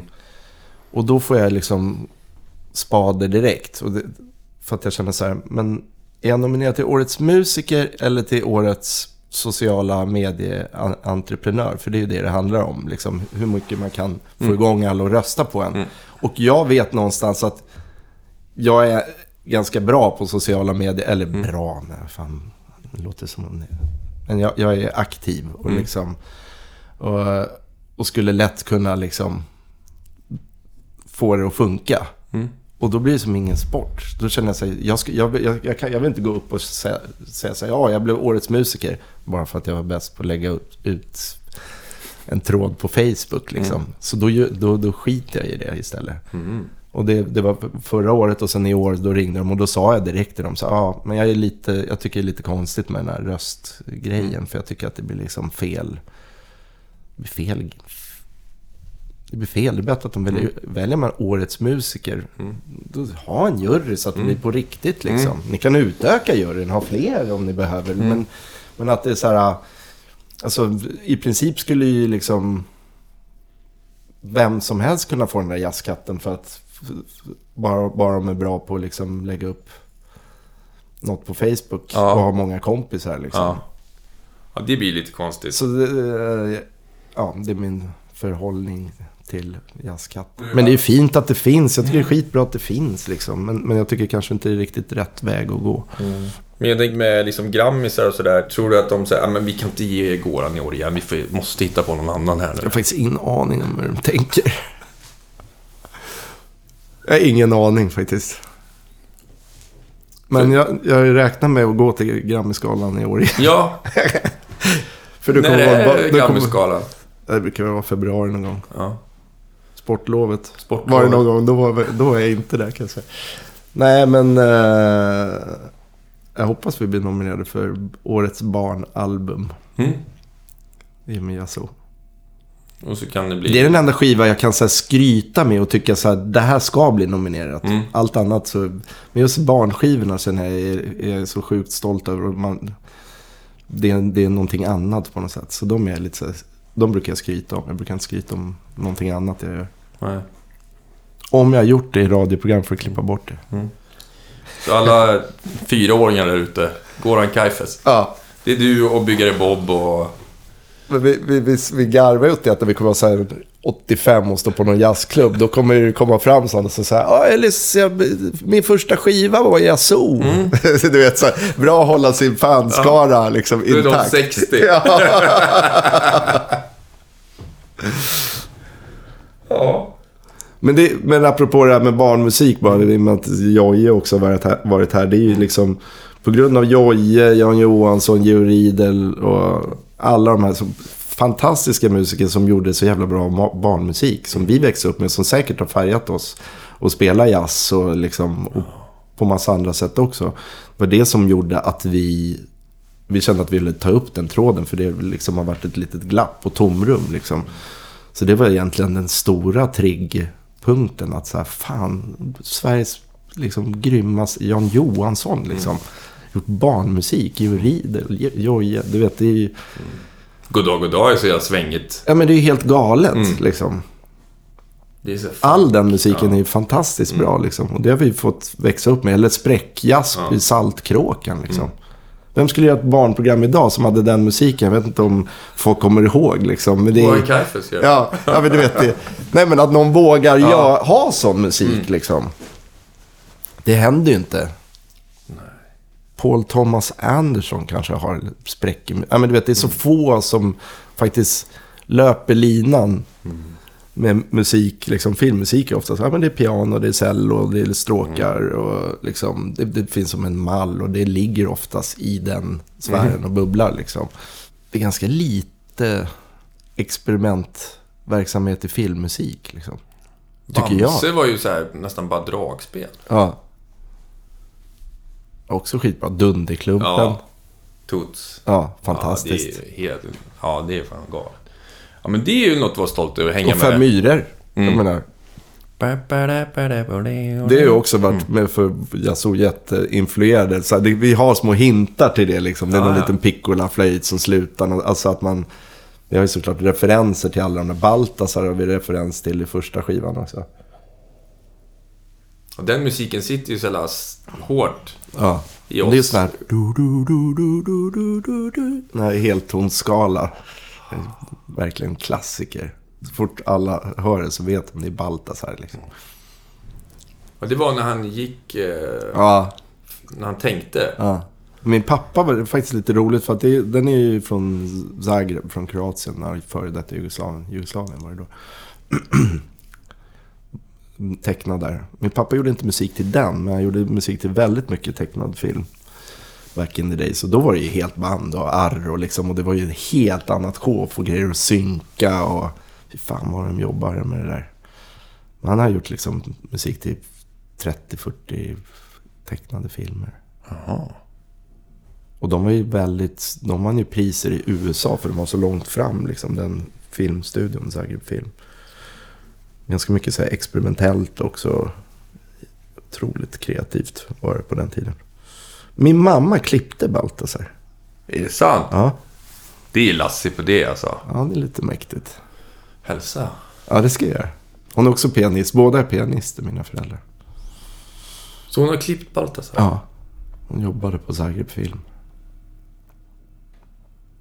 Då var man ju tvungen. Och det blev också så här synkklippningar Ja. och så här. Det var ju liksom något helt annat än vad det är nu. Liksom. Sånt jävla hantverk. När kommer den där Jazz, eh, Yazoo ut? Den Yazoo. kommer... Jag, jag, bara för förvirra har jag skickat Mm. ut två datum. Men det är typ 23 eller 25. Jag, för, jag har förvirrat mig själv tror jag. Nej, men jag, jag, jag, gav, jag satte upp ett datum som jag visste vi skulle hinna. För det tog så lång tid för allting att komma hit. Och sen sa till bokdistributören, sen sa CD, eller skivdistributören att vi måste köra på fredag. Vi kör alltid fredagar. Så att det blev två datum. En en fredag och en en måndag. Så den släpps ja, fredag den 23 och måndag den 26 eller vad det blir. Både och. Det spelar roll, det är ingen som bryr sig. Ja, fy fan vad härligt. Men det har vi gjort. Det var ju, har ju varit skitkul det projektet. För vi har gjort, vi har gjort film. Vi pratade om det sist där. Lång, det har blivit en lång film. Alltså långfilm för barn. En halvtimmas film med instrumentalmusik. Inget snack. Som har gått på SF och kommer gå upp igen tror jag. Som heter Mm. Festen, jazzord. Också väldigt kul projekt. Spelar ni till... eh, Äh, då, har, då, är, då har det animerats till musiken vi gjorde till den skivan. Jaha, så musiken först och sen animerar de Mm. efter det? Plus att vi har adderat lite så här mellangrejer i efterhand. Och det var det som var tanken med projektet, att det är ett musikprojekt. Alltså även om det är en animerad film så ska musiken vara liksom kärnan i det. Det var svårt för vissa att förstå. Vad tycker ungarna då?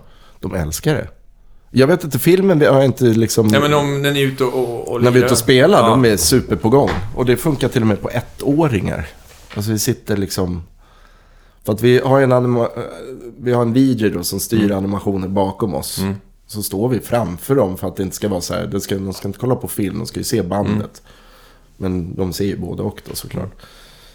Alltså det funkar fantastiskt bra. Det funkar helt enkelt.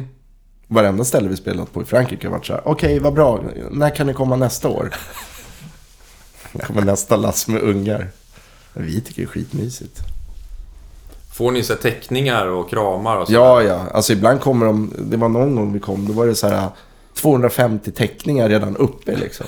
De har tecknat innan. De förbereder sig. Det, fransmän är så uppstyrda. De lyssnar, de pratar om musiken, om instrumenten och de tecknar och så, här, så de är liksom helt på ett sätt förberedda för det. Sen vet de ju aldrig hur det kommer bli, men, men det, är- det är jävligt fint faktiskt. Och så Bra. går man, du vet, man, man är van, så här vanligt gig, man går ut efter Dricker öl spelning och ja. dricker öl. Här går man runt med massa små liksom, minifigurer som är så här jätteglada och vill krama och kommer fram. Och vi pratar ju franska i Frankrike, fast lite så här, två i bandet i alla fall. Mm.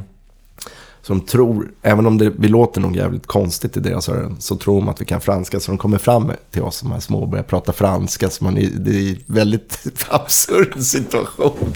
Bara, eh, merci, merci. Det är väldigt gulligt. Så vi brukar möta våra fans efter de giggen. Käka lite godis och Ja, ja men det är supermysigt. Ja. Vet man bara, också innan man börjar, vet, man kommer gående så går de runt där. De är så här peppade och liksom, ja, det är supergulligt. Det är bara, man smälter. Ja, det är klart.